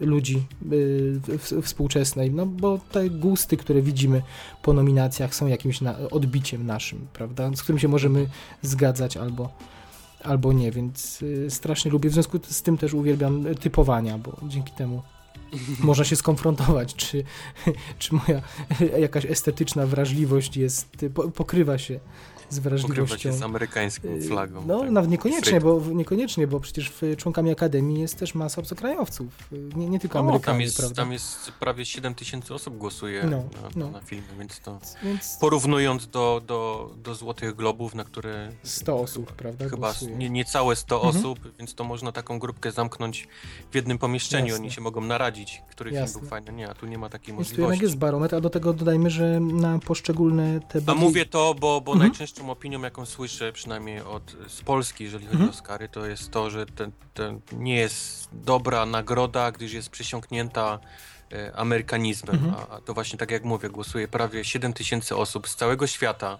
Więc to nie jest tak, że głosują Amerykanie gdzieś tam przy McDonaldzie i, Jasne. i te wszystkie takie filmy, że gdzieś tam amerykański snajper jest nad czymś, to nie wynika z tego, że, Mhm.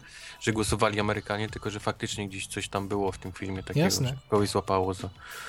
Do tego powiedzmy, że y, większa część i nominacji, i potem nagród jest przyznawana jednak przez specjalistów, to znaczy dokumentaliści głosują na dokumenty, aktorzy na aktorów, reżysery tak, na, tak. reżyserzy Wszystkie na te takie reżyserów. nominacje typu za, za szycie strojów czy, Mhm. czy charakteryzację, to nie, to nie są ludzie, którzy chodzą do kina i głosują, Mhm. dostali kartki i wypełniają, Tak. tylko to są faktycznie ludzie z branży i oni, oni się tym zajmują na co dzień. Ale nawet, na y, nawet w tych najważniejszych kategoriach, czyli na przykład reżys reżyseria, to jest też Tak. świetne, że to nie jest Tak.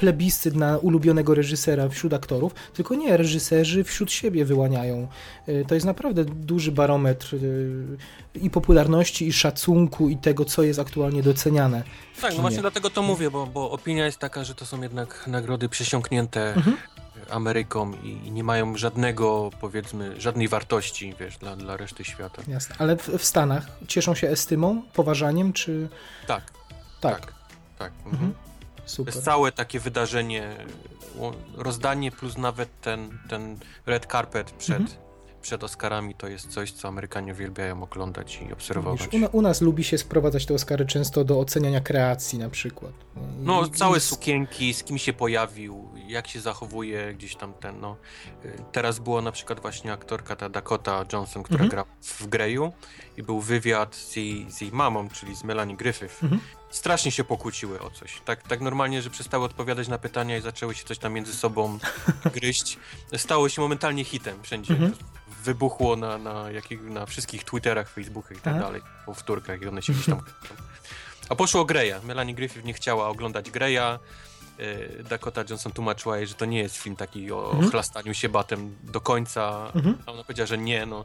no mów, ja ci mówię, żebyś poszła, a ty, a ty mi mówisz, że nie pójdziesz. No i jak mamy ze sobą rozmawiać? I tak zaczęły ze sobą, wiesz, wymiana jakichś takich zdań, gdzie kolej stał z mikrofonem i otwartą, wiesz, twarzą. O, masakra. Nieźle, nieźle. Okej, ale zostawmy czerwony dywan, zostawmy plotki i przejdźmy do y, mięska, czyli do nagród. Proponuję Powiedz zacząć... Jeszcze zanim No. przejdziemy do mięska, Jasne. jak podobała ci się cała ogólnie e, ceremonia? Łącznie z prowadzącym i... Ojejku. Trudne pytanie, bo tak naprawdę ceremonię oglądałem jednym okiem.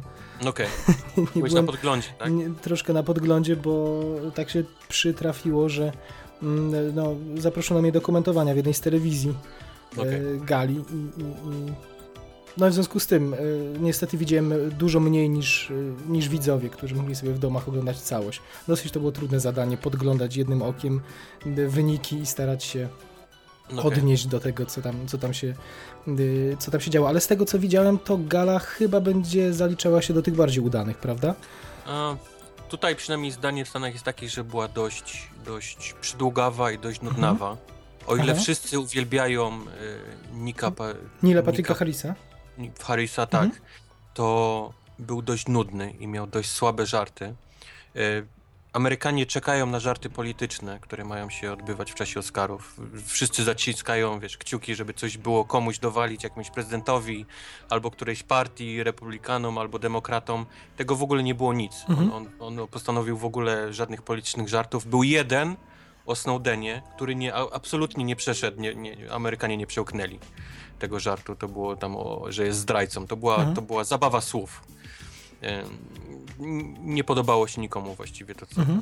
Ani nie był zabawny, ani nie był taki e, jakiś powiedzmy edgy, czyli Mhm. taki, taki, że gdzieś tam próbował komuś docisnąć Ale, żartami. Oscar, ale Oscary nigdy takie nie są. Takie są złote globy, gdzie sobie można pozwolić na więcej. no Oscary nie, bo ogląda... To patrzysz, na, to patrzysz na, na inaczej. Właśnie Oscary, każdy czeka na jakieś takie gdzieś tam dokręcenie śrubki komuś, jakimś tam polityczne. To, to wszystko jest. Albo, albo wyjście jakiegoś aktora. To akurat było gdzieś tam i, powiedzenie, że nieważne, że, że nagrody, wy jesteście bogaci, a dzieci głodują, to każdy Mhm. czeka, wiesz, zaciśniętymi, wiesz, kciukami, który, który koleś odleci. Mhm. To było.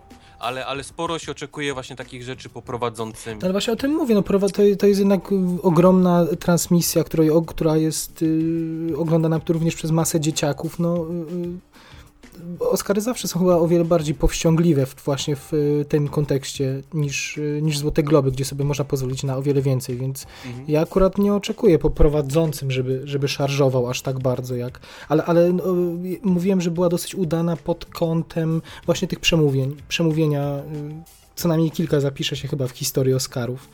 Mhm. Nasz Paweł Pawlikowski, żeby Mhm. daleko nie szukać, bardzo podobało się to przemówienie i to, że zagłuszył, y, znaczy przekrzyczał, przepraszam, muzykę, którą Nie próbowano go. widziałeś, nie widziałeś Twittera i mówię o Twitterze tutaj amerykańskim, Mhm. o ludziach, którzy krytykują filmy jak Mhm. generalnie, bo ja starałem się mieć oko na, na właśnie też na Twittera i na Mhm. ceremonię jednocześnie. Wszyscy uwielbiali jego wystąpienie. Każdy Mhm. klaskał hashtagi typu y, goście od Idy, zostawcie już tę całą ceremonię i wiesz, i gdzie jest koleś od Idy, wiesz, dajcie koleś od Idy z powrotem, bo był zajebisty. Albo że, powinien, albo, że powinien prowadzić Oscary za rok. powinien coś, Oscary tak, za rok, też były takie, Mhm. takie cytaty. No, no. Tak, tak. Czy, czy wystąpienie scenarzysty Gry Tajemnic, prawda? No też ważna rzecz, gdzie wspomniał o, o tym, że sam próbował popełnić samobójstwo tak. e, przez to, że czuł się inny, wzruszające. Czy, czy e, piosenki na przykład. Z tego, co widziałem, nie słyszałem ich, bo tak jak mówię, nie, innym... Simmons, y, który Mhm. prosił o to, aby zadzwonić do rodziców, a Tak, nie wysyłać SMS-ów. Mhm. No, no, z tego było sporo. Właśnie był, był em, z gry tajemnic, co mówisz, żeby, żeby cieszyć się Mhm. tym, że jesteś inny, Tak. a, nie, a nie przejmować się tym. No, Trochę, no, tych, trochę Sean Penn przyfejlował na końcu, mówiąc, pytając, kto dał temu dupkowi zieloną kartę. Kiedy wyręczał, wyczytywał Birdmana tak, jako, jako najlepszy Tak. film. Ale rozumiem, że się znają z y, Alejandro pewnie, Gonzalesem tak, Iñárritu. pewnie był jakiś wewnętrzny żart, który też jakoś tak nie, nie wypalił. Ale jeszcze wracając, była też Patricia Arquette, która gdzieś tam za kobietami trzymała kciuki, Mhm. w- wywijając gdzieś tam pięściami, że wreszcie nadszedł czas kobiet w Hollywoodzie. Z jednej strony fajnie, z drugiej strony, kurczę, no, no jednak cieszmy się filmami, a nie róbmy z tego jakiś taki, wiesz, Mhm. że wyjdziesz i ja muszę usłyszeć o jakimś tam problemach warstw społecznych, czy Jasne. ras, czy... czy, czy Jasne, tym bardziej, że problem, o którym Patricia Arquette mówi, boję się, że, że nie zniknie i będziemy to przerabiać jeszcze za 10 lat. Będziemy za, długo i za 20 i, i tak dalej. Okej, ale, ale mm, podsumowując, moim zdaniem nie były ilość tych y, tak, takich bardziej politycznych rzeczy, szeroko pojętych politycznych rzeczy, nie, nie była, czy światopoglądowych, nie była przytłaczająca, była akurat idealna. Dzięki temu parę wzruszeń, parę uśmiechów było, mm, więc galę uznaję za, za udaną, biorąc pod uwagę. Ellen. Ellen, to, to wszystko się wywodzi z tego, że w okresie całej tego Afganistanu, przynajmniej tutaj w Stanach i, i zamachów na, na, na World Trade Center, każda kolejna y, ceremonia Oscarów polegała na tym, że ktoś wychodził i mówił, że, że prezydent Bush jest wiesz, do dupy i powinniśmy nasze wojska wyciągnąć tam z Iraku. Mhm. I, I może to jest ten wreszcie pierwszy okres, kiedy tego nie ma, wiesz? No tak. tak jakoś, może ja się głupio z tym czuję, bo oczekiwałem tego i, i nic, żadnej polityki nie dostałem od prowadzącego. No tak. Ale to też ciężko było oczekiwać od e, a- aktora broadwayowskiego i raczej kojarzonego z takim bardzo pozytywnym wizerunkiem i raczej nieinwazyjnym żartem, żeby nagle... No niby tak, ale rok temu była Ellen, czyli prowadząca wiesz, talk show. No, ona już bardziej potrafi szpilę I, wbić. I ona Może- wbijała szpilę tam na lewo i prawo Jasne, wszystko. Jasne, jasne. Okej. Mm, Pierwsza kategoria, o której chciałem pogadać króciutko. Najlepszy montaż. Wygrał Whiplash. Mhm. Zasłużenie? Zasłużenie chyba, Zasłużenie jak prawda? najbardziej. Tak, tak, Nie, tak. nie było lepszego montażu. Zdecydowanie.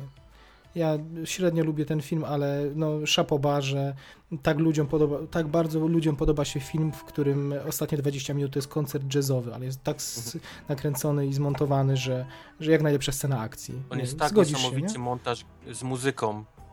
Gra jest niesamowicie zrobione, no.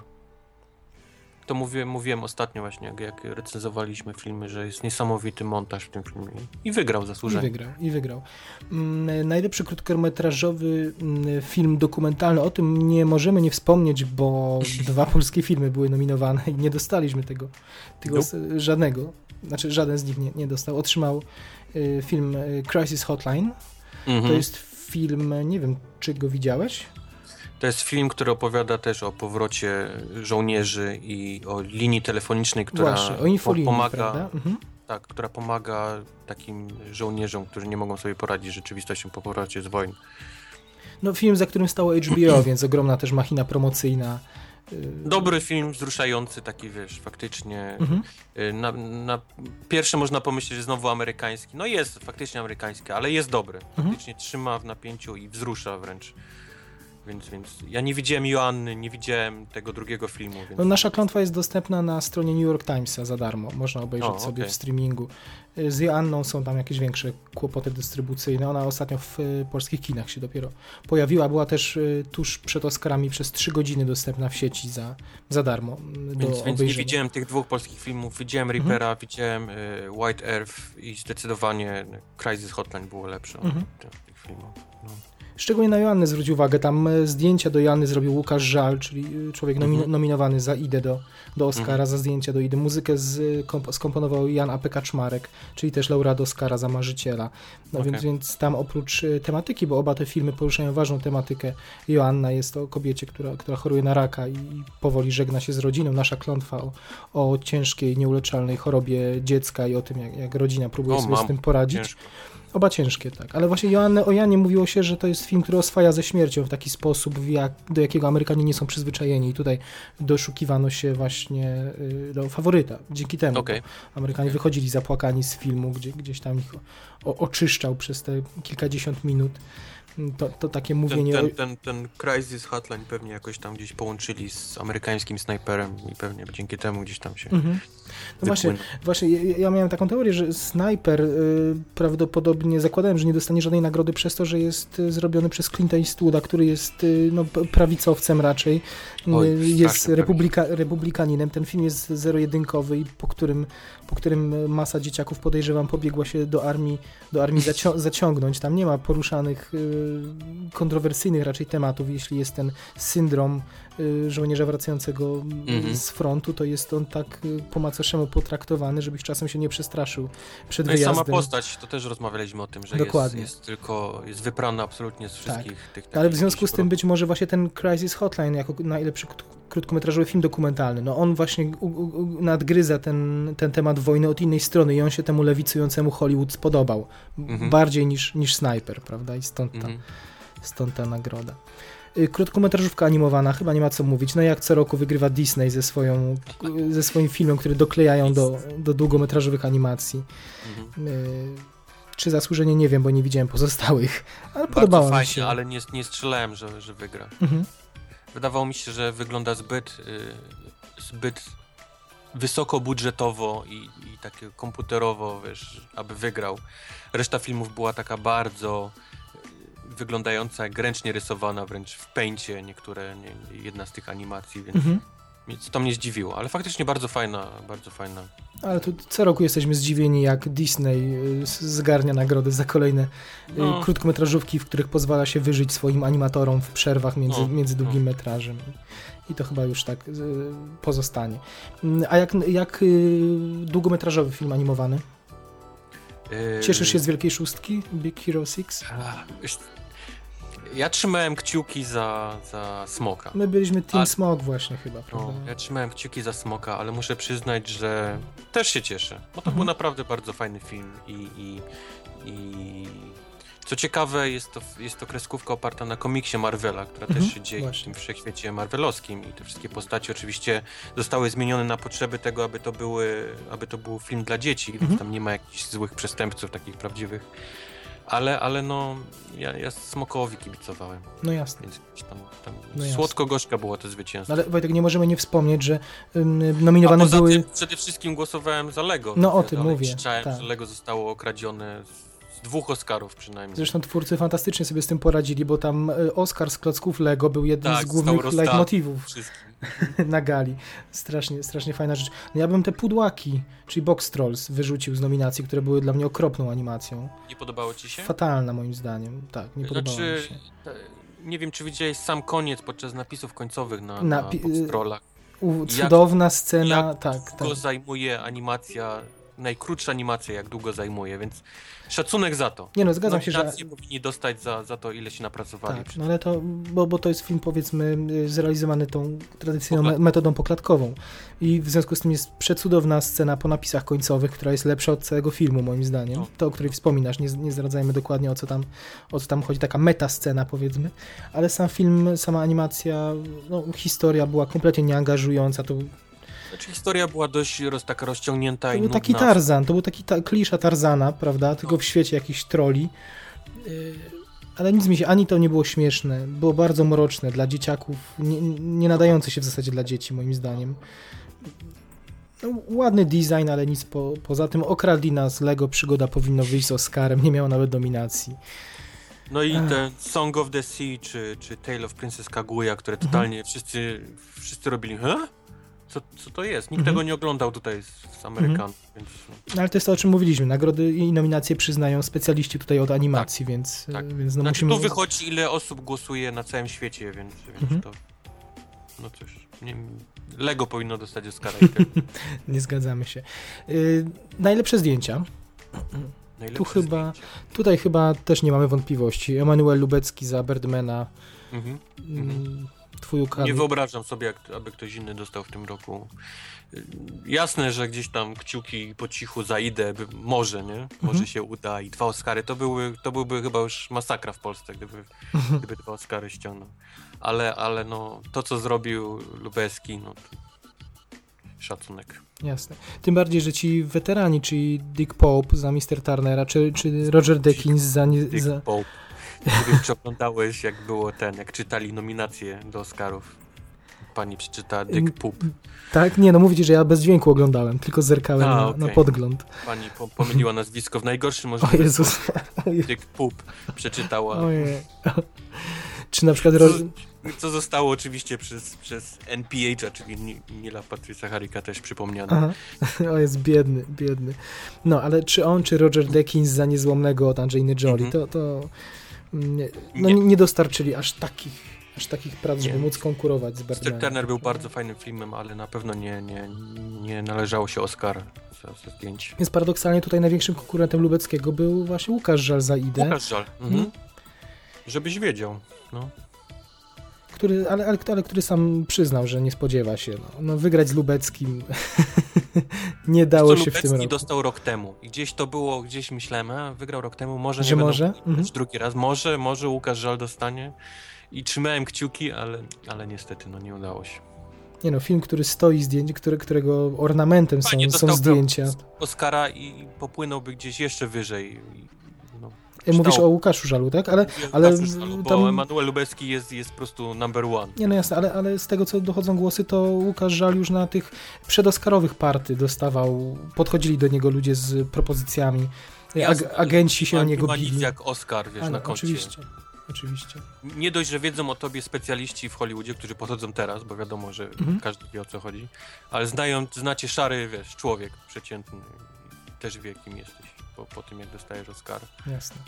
Jasne. O najlepszych kostiumach wypada wspomnieć, bo tutaj też mieliśmy Polkę, czyli Annę Biedrzycką Shepard za czarownicę.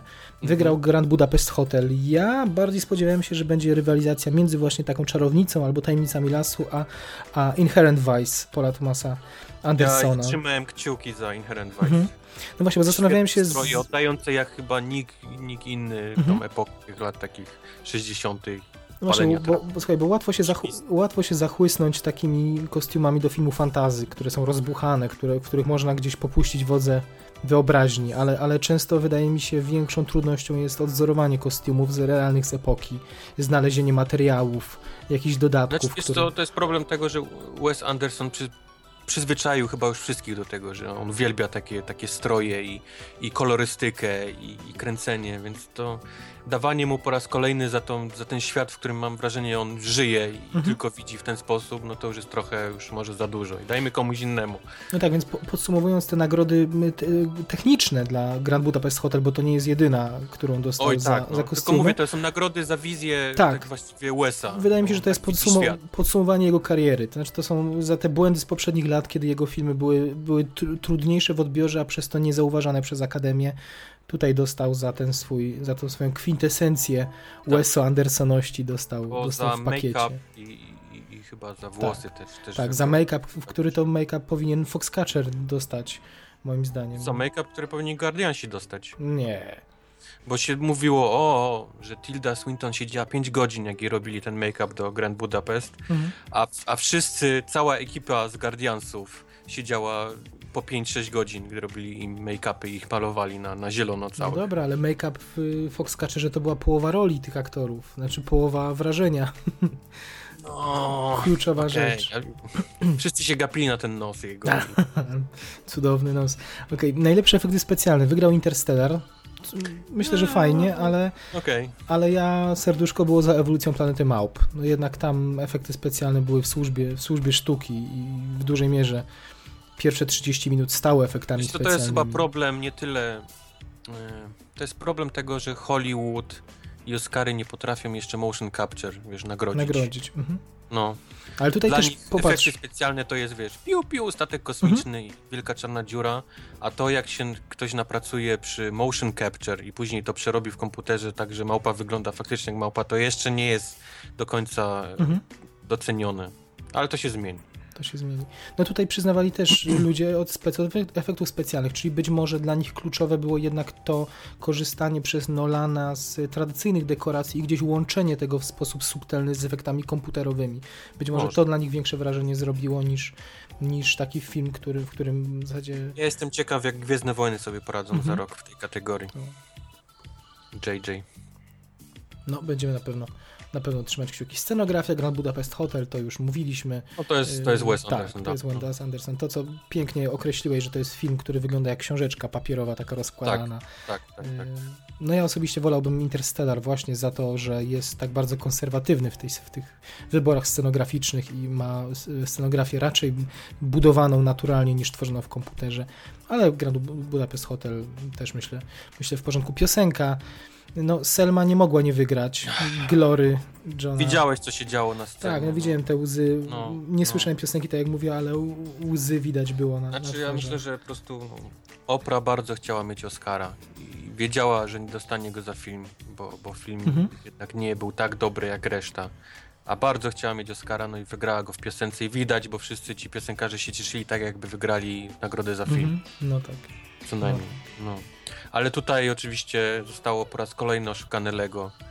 Tak, liczyliśmy na nagrodę pocieszenia, ale nie udało się. Wszyscy chyba na całym świecie są w stanie zaśpiewać piosenkę z Lego.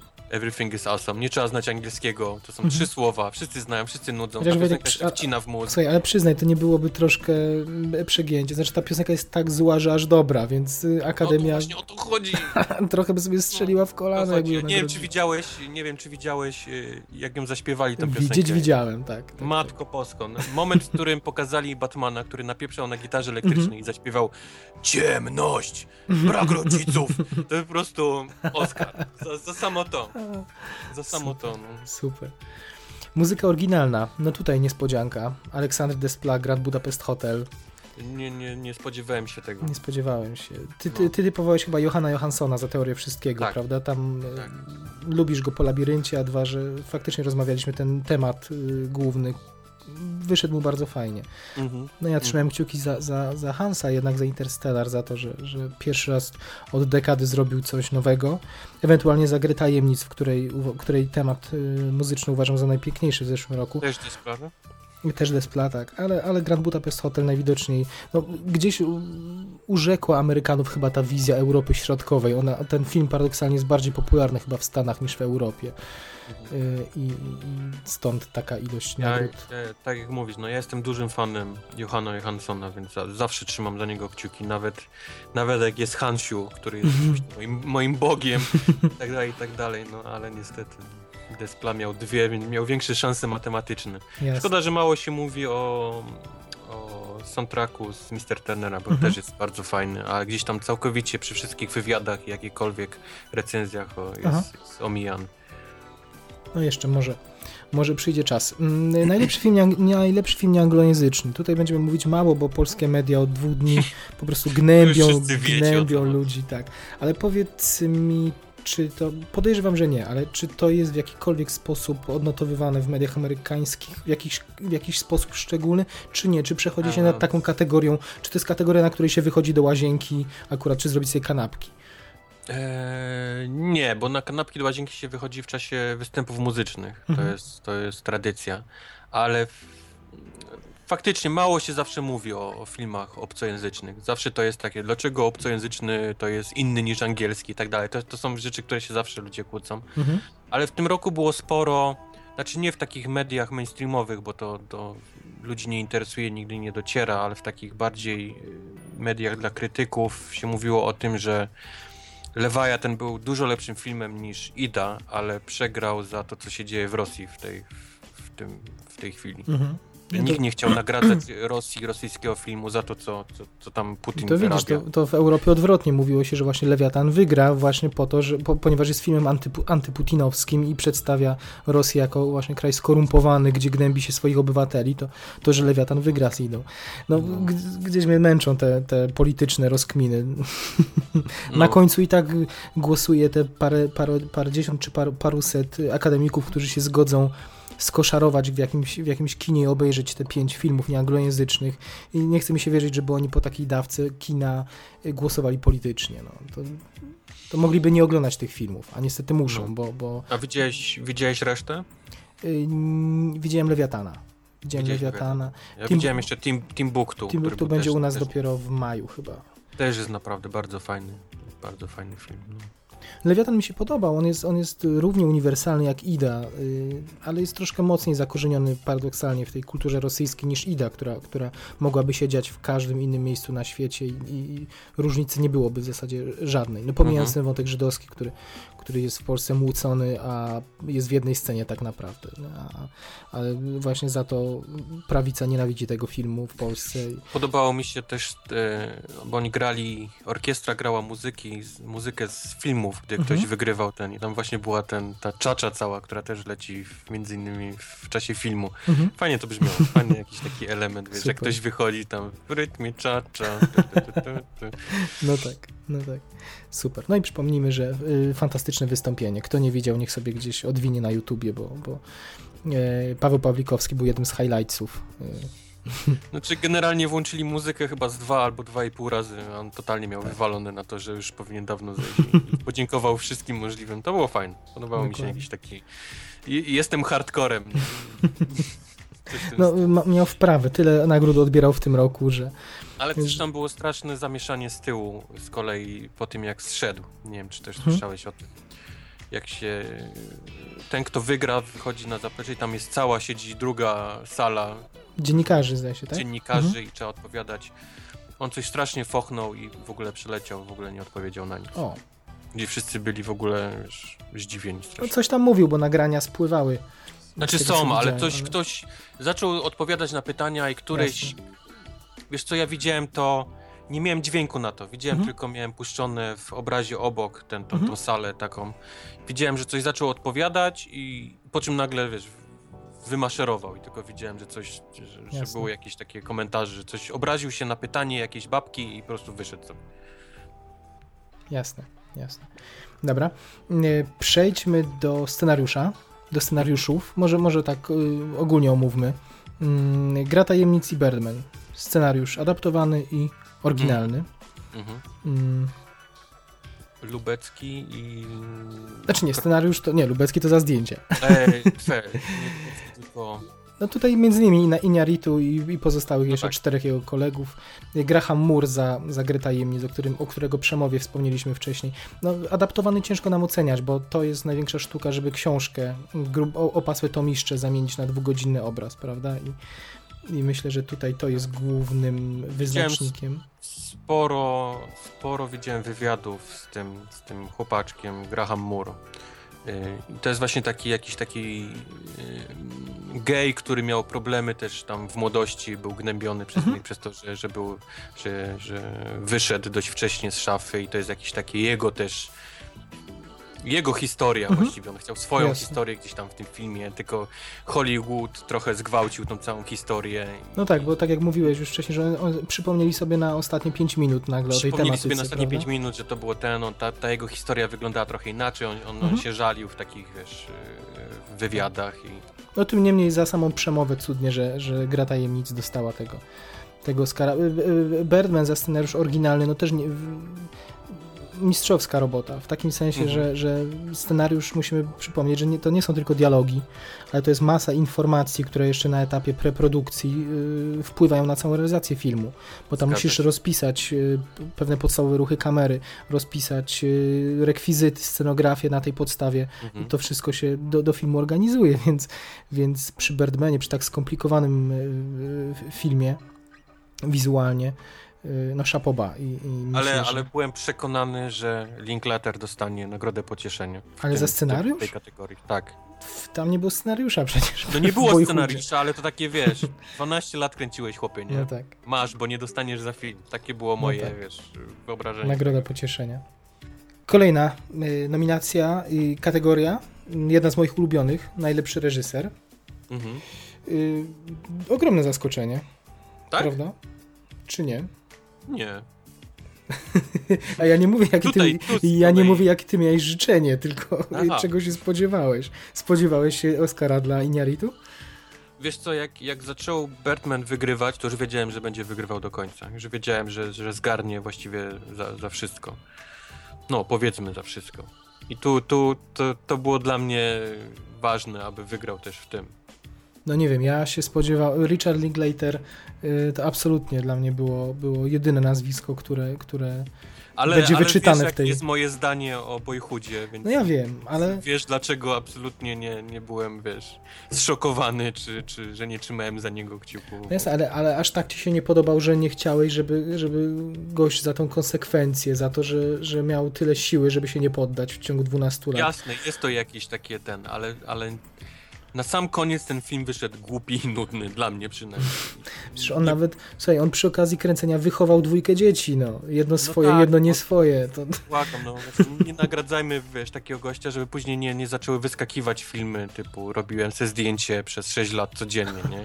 no to muszę cię zmartwić, bo dzisiaj pojawiły się, znaczy bo No pojawiły wiem, się, wy, zaczynałem Boyhood wypływać 2, teraz tak? projekty, które są robione już tam od 10 lat, więc Ale- wiem, że to się pojawi gdzieś tam. ale on na jakimś właśnie podcaście po Oscarowym wspomniał, że myśli, że nie myślał, ale teraz myśli nad jakąś formą kontynuacji Boyhooda, że życie na studiach też jest ciekawe i tak dalej, i tak dalej.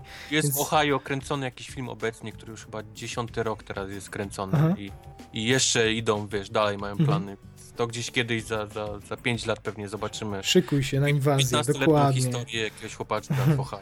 Nie no, ja, ja, ja tak, to jest dla mnie taka romantyczna historia, ja bym chciał, żeby on dostał. Również dlatego, że uwielbiam jego poprzednie filmy. Trylogia Ja przed, przed złośliwy i cieszyłem się, że, że nie wygrał ty. ale, ale no nie płakałem, nie płakałem. Iñárritu też sobie, też sobie cenię. Znaczy jakby wygrał, to by wygrał, to bym mówił, no dobra, nie? Nakręcił Niech ma. 12 lat. Mhm. Niech ma. Mhm, Bardziej chyba byłbym zły, jakby wygrał Wes Anderson.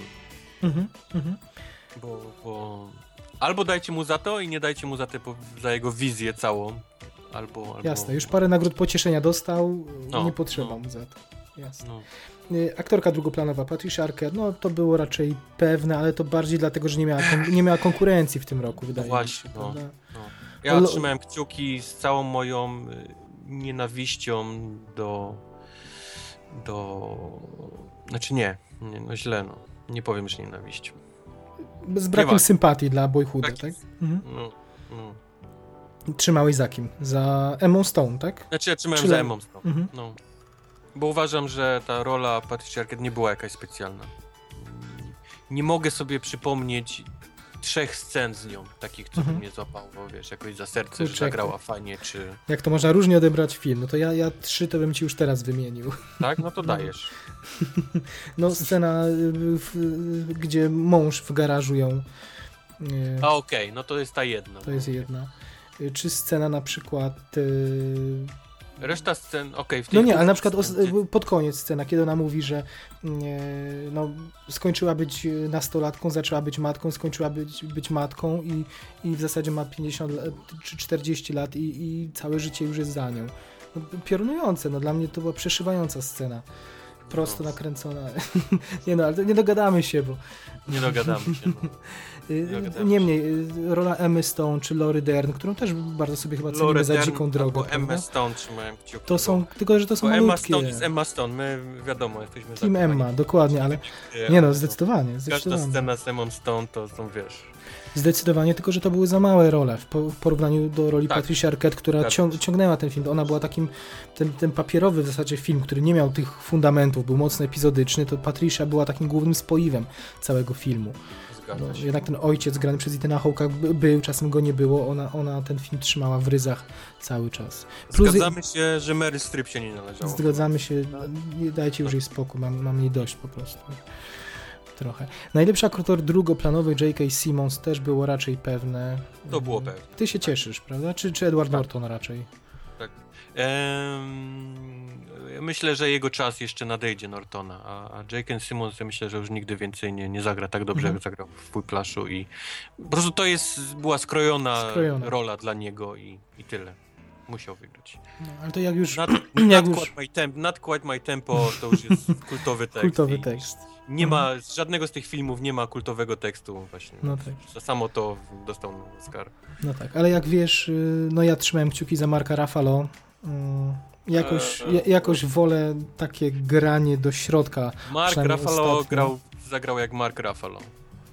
To takie mówienie z przymrużeniem, z takim, takim cichym tym, tym. To jest cały Mark Ruffalo, którego można zobaczyć w innych filmach. Możesz Nie- tak powiedzieć, bardzo go wtedy obrazisz, a możemy powiedzieć, że to była bardzo zniuansowana rola, skupiona, oparta na, na, na detalu, bardzo taka powściągliwa, skromna y, i bardzo prawdziwa przede wszystkim. A J.K. W, w roli J.K. J.K. Simon, J.K. Simmons był, był może nie fałsz, ale, ale to była przy, bardzo przekalkulowana rola, bardzo przeszarżowana, to, to była taka ekwilibrystyka aktorska trochę. To, to, się, to się podoba i, i to też nie sposób nie docenić, ale ja wolę y, tak mówiąc y, krótko, wolę od ekwilibrystyki prawdę, którą Mark Ruffalo pokazał na, na ekranie, ale to znowu czysto, czysto subiektywne gusta tutaj decydują. No, na pewno nie Ethan Hawke. No nie, jego czas też nadejdzie. Myślisz? Nie, nie, nie, żartowałem, nie. Nie, ja myślę, że nigdy nie dać. On jest takim aktorem, który jest teraz najdalej, gdzie, gdzie może być w, swojej, w swoim kunszcie. Jasne. Chociaż on najlepiej grał, w, najlepiej grał u Linklatera właśnie. Linklater potrafi z niego wyciągnąć takie pokłady więcej niż on ma, jest w stanie zaoferować i tak, więc Boyhood to jest i tak szczyt dla Ethana Hawke'a. Powinien No. się cieszyć z, z nominacji. Aktorka pierwszoplanowa Julian Moore, y, Steel Alice, który w Polsce nazywa się, w Polsce, y, słuchaj, nazywa się Motyl Steel Alice. To jest tytuł polski. Motyl. Dlaczego motyl? Nie mam bladego pojęcia. Ty mi powiedz, ty film widziałeś, ja go nie widziałem. Okej. Okej. Y, No tu nie było innego, innego ten. To też wszyscy wiedzieli, że wygra. My po cichu trzymaliśmy chyba kciuki za Reese Witherspoon, prawda? Eee, bardzo po cichu, bo moje zdanie o Tak. Reese Witherspoon też znasz, więc... No ale w, patrząc na inne kandydatki, Felicity Jones, która za teorię wszystkiego była, była nie wiem, jakimś kuriozum dla mnie. Tak. Rosamund Pike, Marion Cotillard, która nie powinna być w ogóle w tym, mimo że zagrała świetnie, ale to nie jest, to no... Coś, coś tu z tą kategorią jest nie tak z tym filmem. Wyciągnęli ją z filmu obcojęzycznego tutaj, żeby ją podciągnąć, tylko dlatego, że, że jest e, aktorką też w Hollywoodzie. To takie trochę dla mnie było dziwne. Rosamunda Pike, którą kocham, ale to też jest rola taka, no jeszcze nie Oscarowa. Jasne. Ja myślę, że ona jeszcze, jeszcze może pokazać, wiesz, że potrafi Jasne. lepiej. No by oni, oby oni nie zapomnieli, bo może sobie wrócić do tej swojej Wielkiej Brytanii i tam kręcić komedię z powrotem. Oby Mhm. Hollywood o nią się upomniało jeszcze nieraz. No ja nie lubię takich y, ról opartych na, na kasusie choroby, a Julian, ta rola chyba w Still Alice to jest głównie No, no. powolne wyniszczanie człowieka. prawda? No, Nie sposób nie docenić, ale wolę nagradzać za coś innego. Poza tym nie lubię Julian Moore. No ja lubię Julian Moore, ale ta, ta, ta jej rola nie była, nie była tak świetna. To nie jest tak świetna rola, że, że trzeba zobaczyć film. I, i dużo lepiej podobała mi się właśnie Reese, której Mhm. nie lubię. Więc to jest, to jest to. Paradoks. Lubię Julian, nie podobała mi się rola, nie lubię Reese, a podobała mi się jej rola. No, I tyle. Przy aktorze pierwszoplanowym też nie było, nie było raczej sensacji. Eddie Redmayne był wśród bookmacherów obstawiany. Ja, ja płakałem chyba najbardziej podczas tego. Nie no, zdecydowanie, zdecydowanie. No gdzieś, gdzieś na końcu głowy trzymałem jednak kciuki, że, że albo Steve Carell, albo Michael Keaton. Słuchaj, to była nagroda, którą powinien dostać Keaton za Batmana z 89 roku. Tyle, tyle. Dla mnie nie, nie, nie ma po prostu innych. Eddie Redmayne jest młody, jeszcze zagra, wiesz, tyle ról świetnych, lepszych pewnie niż, niż, niż Jasne. to, co zagrał. Ale, ale to, był, to był Keaton, to był Batman, 89 rok, nagroda Oscar za to, co, co zrobił.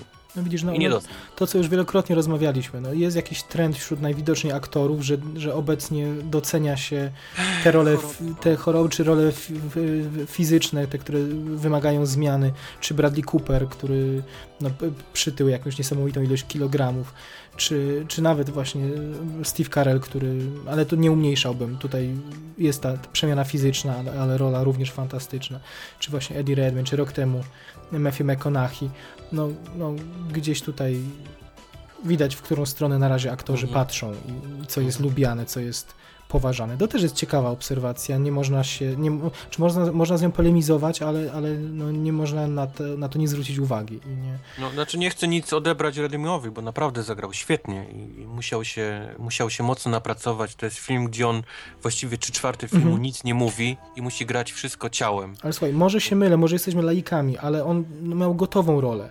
To znaczy, to, jest, to była tak określona postać, to wystarczyło tak, ją no odtworzyć prawda. w zasadzie. Tam, No. tam wręcz wymagane było, żeby nie dać nic z siebie. Oglądał, no nie wiem, no, no bardziej cenię sobie no, coś bardziej kreatywnego. A tutaj praca z, prawdopodobnie z pantomimistą, praca z jakimiś, no, no też obserwacja chor- chorych i na tej podstawie odtworzenie roli. Komu ty byś dał? No ja, ja Steve Carell. Steve Carell, ale to dlatego na przekór, że Foxcatcher nie miał nominacji za najlepszy film, więc we wszystkich możliwych nominacjach, gdzie, gdzie był Ale nie na Foxcatcher... przekór, tylko faktycznie za, za rolę. Nie no, tak, to nie jest, no zdecydowanie. Znaczy nie, to nie, że po złości, prawda, ale gdzieś, mi- gdzieś mi serce podpowiadało, że, Okej. że, że ten, Nie że, że no, czysto aktorsko, jakby pomijając też te, to, czy Michael Keaton powraca po latach, no bo to też był ważny wątek, prawda, że on grał trochę samego siebie i, i że ta nagroda to też jest Grał jakiś... samego siebie i to był film o Batmanie i to było wszystko po prostu tak pięknie ustawione, żeby on dostał tego Oscara za Batmana, którego wszyscy kochają, absolutnie wszyscy. I nic z tego. Tak, ale w związku z tym, jeśli zapytasz mnie, kto zrobił największą aktorską robotę z tej piątki, to, to jednak wymienię, to wymienię Karela. To jest... y, y, I być może też w, za to, że to jest tak bardzo inna rola od, od jego Dobrze się poprzednich. siedział i patrzył w sufit. To było dobre.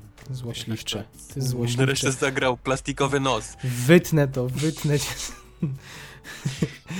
Okej, zostawmy aktorów. Najlepszy film. Najlepszy film. Najlepszy film... y, Wygrał najlepszy film. Wygrał najlepszy film. e, Można powiedzieć, że strona Gold Derby, czyli strona, która mm, no, specjalizuje się w typowaniu zwy- zwycięzców wszelakich nagród. Ona przez wiele miesięcy tego Boyhooda trzymała na piedestale i mniej więcej przy okazji Złotych Globów e, to była taka górka. I potem coś się zaczęło dziać. Birdman powoli zaczął zdobywać nagrody niektórych gildii Gildie, tak. I okazało się właśnie, że, że jego forma rośnie, a Boyhooda spada, żeby w ostatnim tygodniu Birdman w tych typowaniach Boyhooda wyprzedził. Y, Mhm. No i tak się stało. Y, I zasłużenie się stało, prawda? No, wiadomo, no, jeżeli chodzi o, o Birdmana i Boyhooda, to jak najbardziej. Z tym, że tam do walki pod koniec się włączył y, niespodziewanie American Sniper. Mhm. I dużo się mówiło o tym, że to jest, nagle został czarnym koniem O. i jest bardzo duża szansa, że może wygrać. Nawet w połowie rozdania Oscarów Mhm. ludzie, których szanuję za zdanie i którzy zazwyczaj wiedzą, co mówią, mówili, że jest. Coś, coś się dzieje. Wygląda na to, że American Sniper wygra Oscara za film. Więc ja, ja po prostu mi, mi zmroziło krew, jak, jak Mhm. to przeczytałem. I to nie tylko od jednego, tylko od sporo, sporo osób to zaczęło pisać. Mhm. Wiesz Ale co- na końcu... Wiesz, co mnie cieszy? Cie- Ja tak sobie patrząc na tych nominowanych, yy, po pierwsze jest filmów 8, yy, maksymalnie może być nominowanych filmów 10. To wynika tam z jakiegoś przelicznika procentowego. No, nie, Totalnie nie rozumiem, czemu Foxcatcher y, się tutaj nie załapał. To jest pierwsza rzecz. Ale, ale o czym chciałem powiedzieć, że dostrzegam tu tą taką prawidłowość, że mamy cztery filmy w tej ósemce, które są takimi filmami skrojonymi pod Oscary, które miały premiery zaplanowane na grudzień. I wszystkie cztery filmy są historiami yy, ikonizującymi yy, znanych ludzi, prawda? No bo mamy Tak. Chrisa Kyla, Sniper, Teoria Wszystkiego, Stephen Hawking, Tak. yy, mamy Selmę o Martinie Lutherze Kingu i, Mhm. i yy, Grę Tajemnic, Yy, ale to wszystko, te, te wszystkie, te cztery filmy były, Selmy nie widziałem, ale, ale z tego co słychać, to są filmy dobre, to są filmy poprawne, ale absolutnie nie zasługujące na to największe wyróżnienie, prawda? I cieszy mnie, że, Nie. że pozostała czwórka, czyli ci tacy bohaterzy romantyczni kina, powiedzmy, tak określmy, czyli, czyli filmy z dużo niższymi budżetami i, i raczej filmy, które nie celowały w, w nagrody przede wszystkim. No, filmy z duszą, Birdman, Boyhood, Grand Budapest Mhm. Hotel i Whiplash. To wśród nich chyba rozgrywała się ta ostatnia batalia.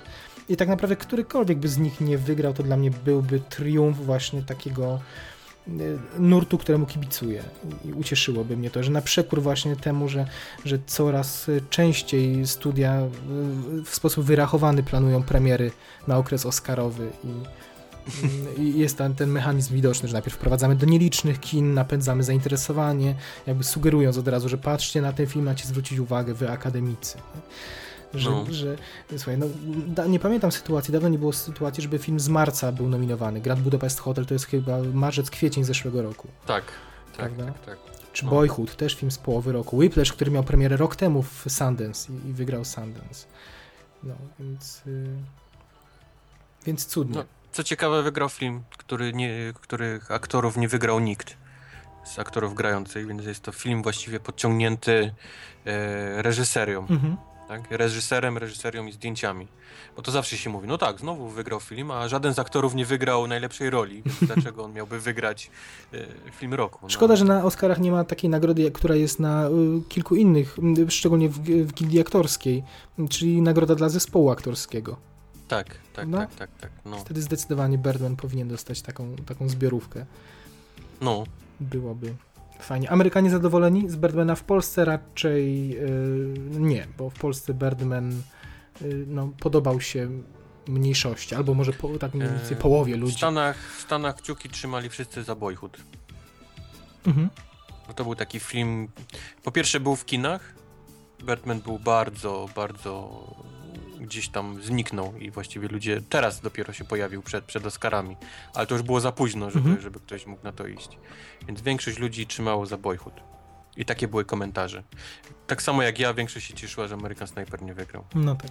Fantastycznie. Twórcy Idy, Idy trzeźwieją zapewne teraz, a my idziemy opijać sukces Birdmana, Wiemy, tak. chociaż jesteśmy pewnie w niewielkiej, ale jednak mniejszości. Dzięki wielkie za wysłuchanie drugiego odcinka podcastu After the Credits. Y, Polecamy się, polecamy zaglądać na y, bloga moviemac.pl, na y, fanpage podcastu After the Credits, na fanpage bloga. Komentujcie, zapraszamy też do dzielenia się waszymi wrażeniami po Oscarach, chociaż nie wiem, czy jeszcze ktoś Mhm. będzie miał siłę po, po takiej dawce Oscarowej. Ida. Na, I wymęczyła nas. tak, tak. Do usłyszenia za dwa tygodnie. Pa, pa!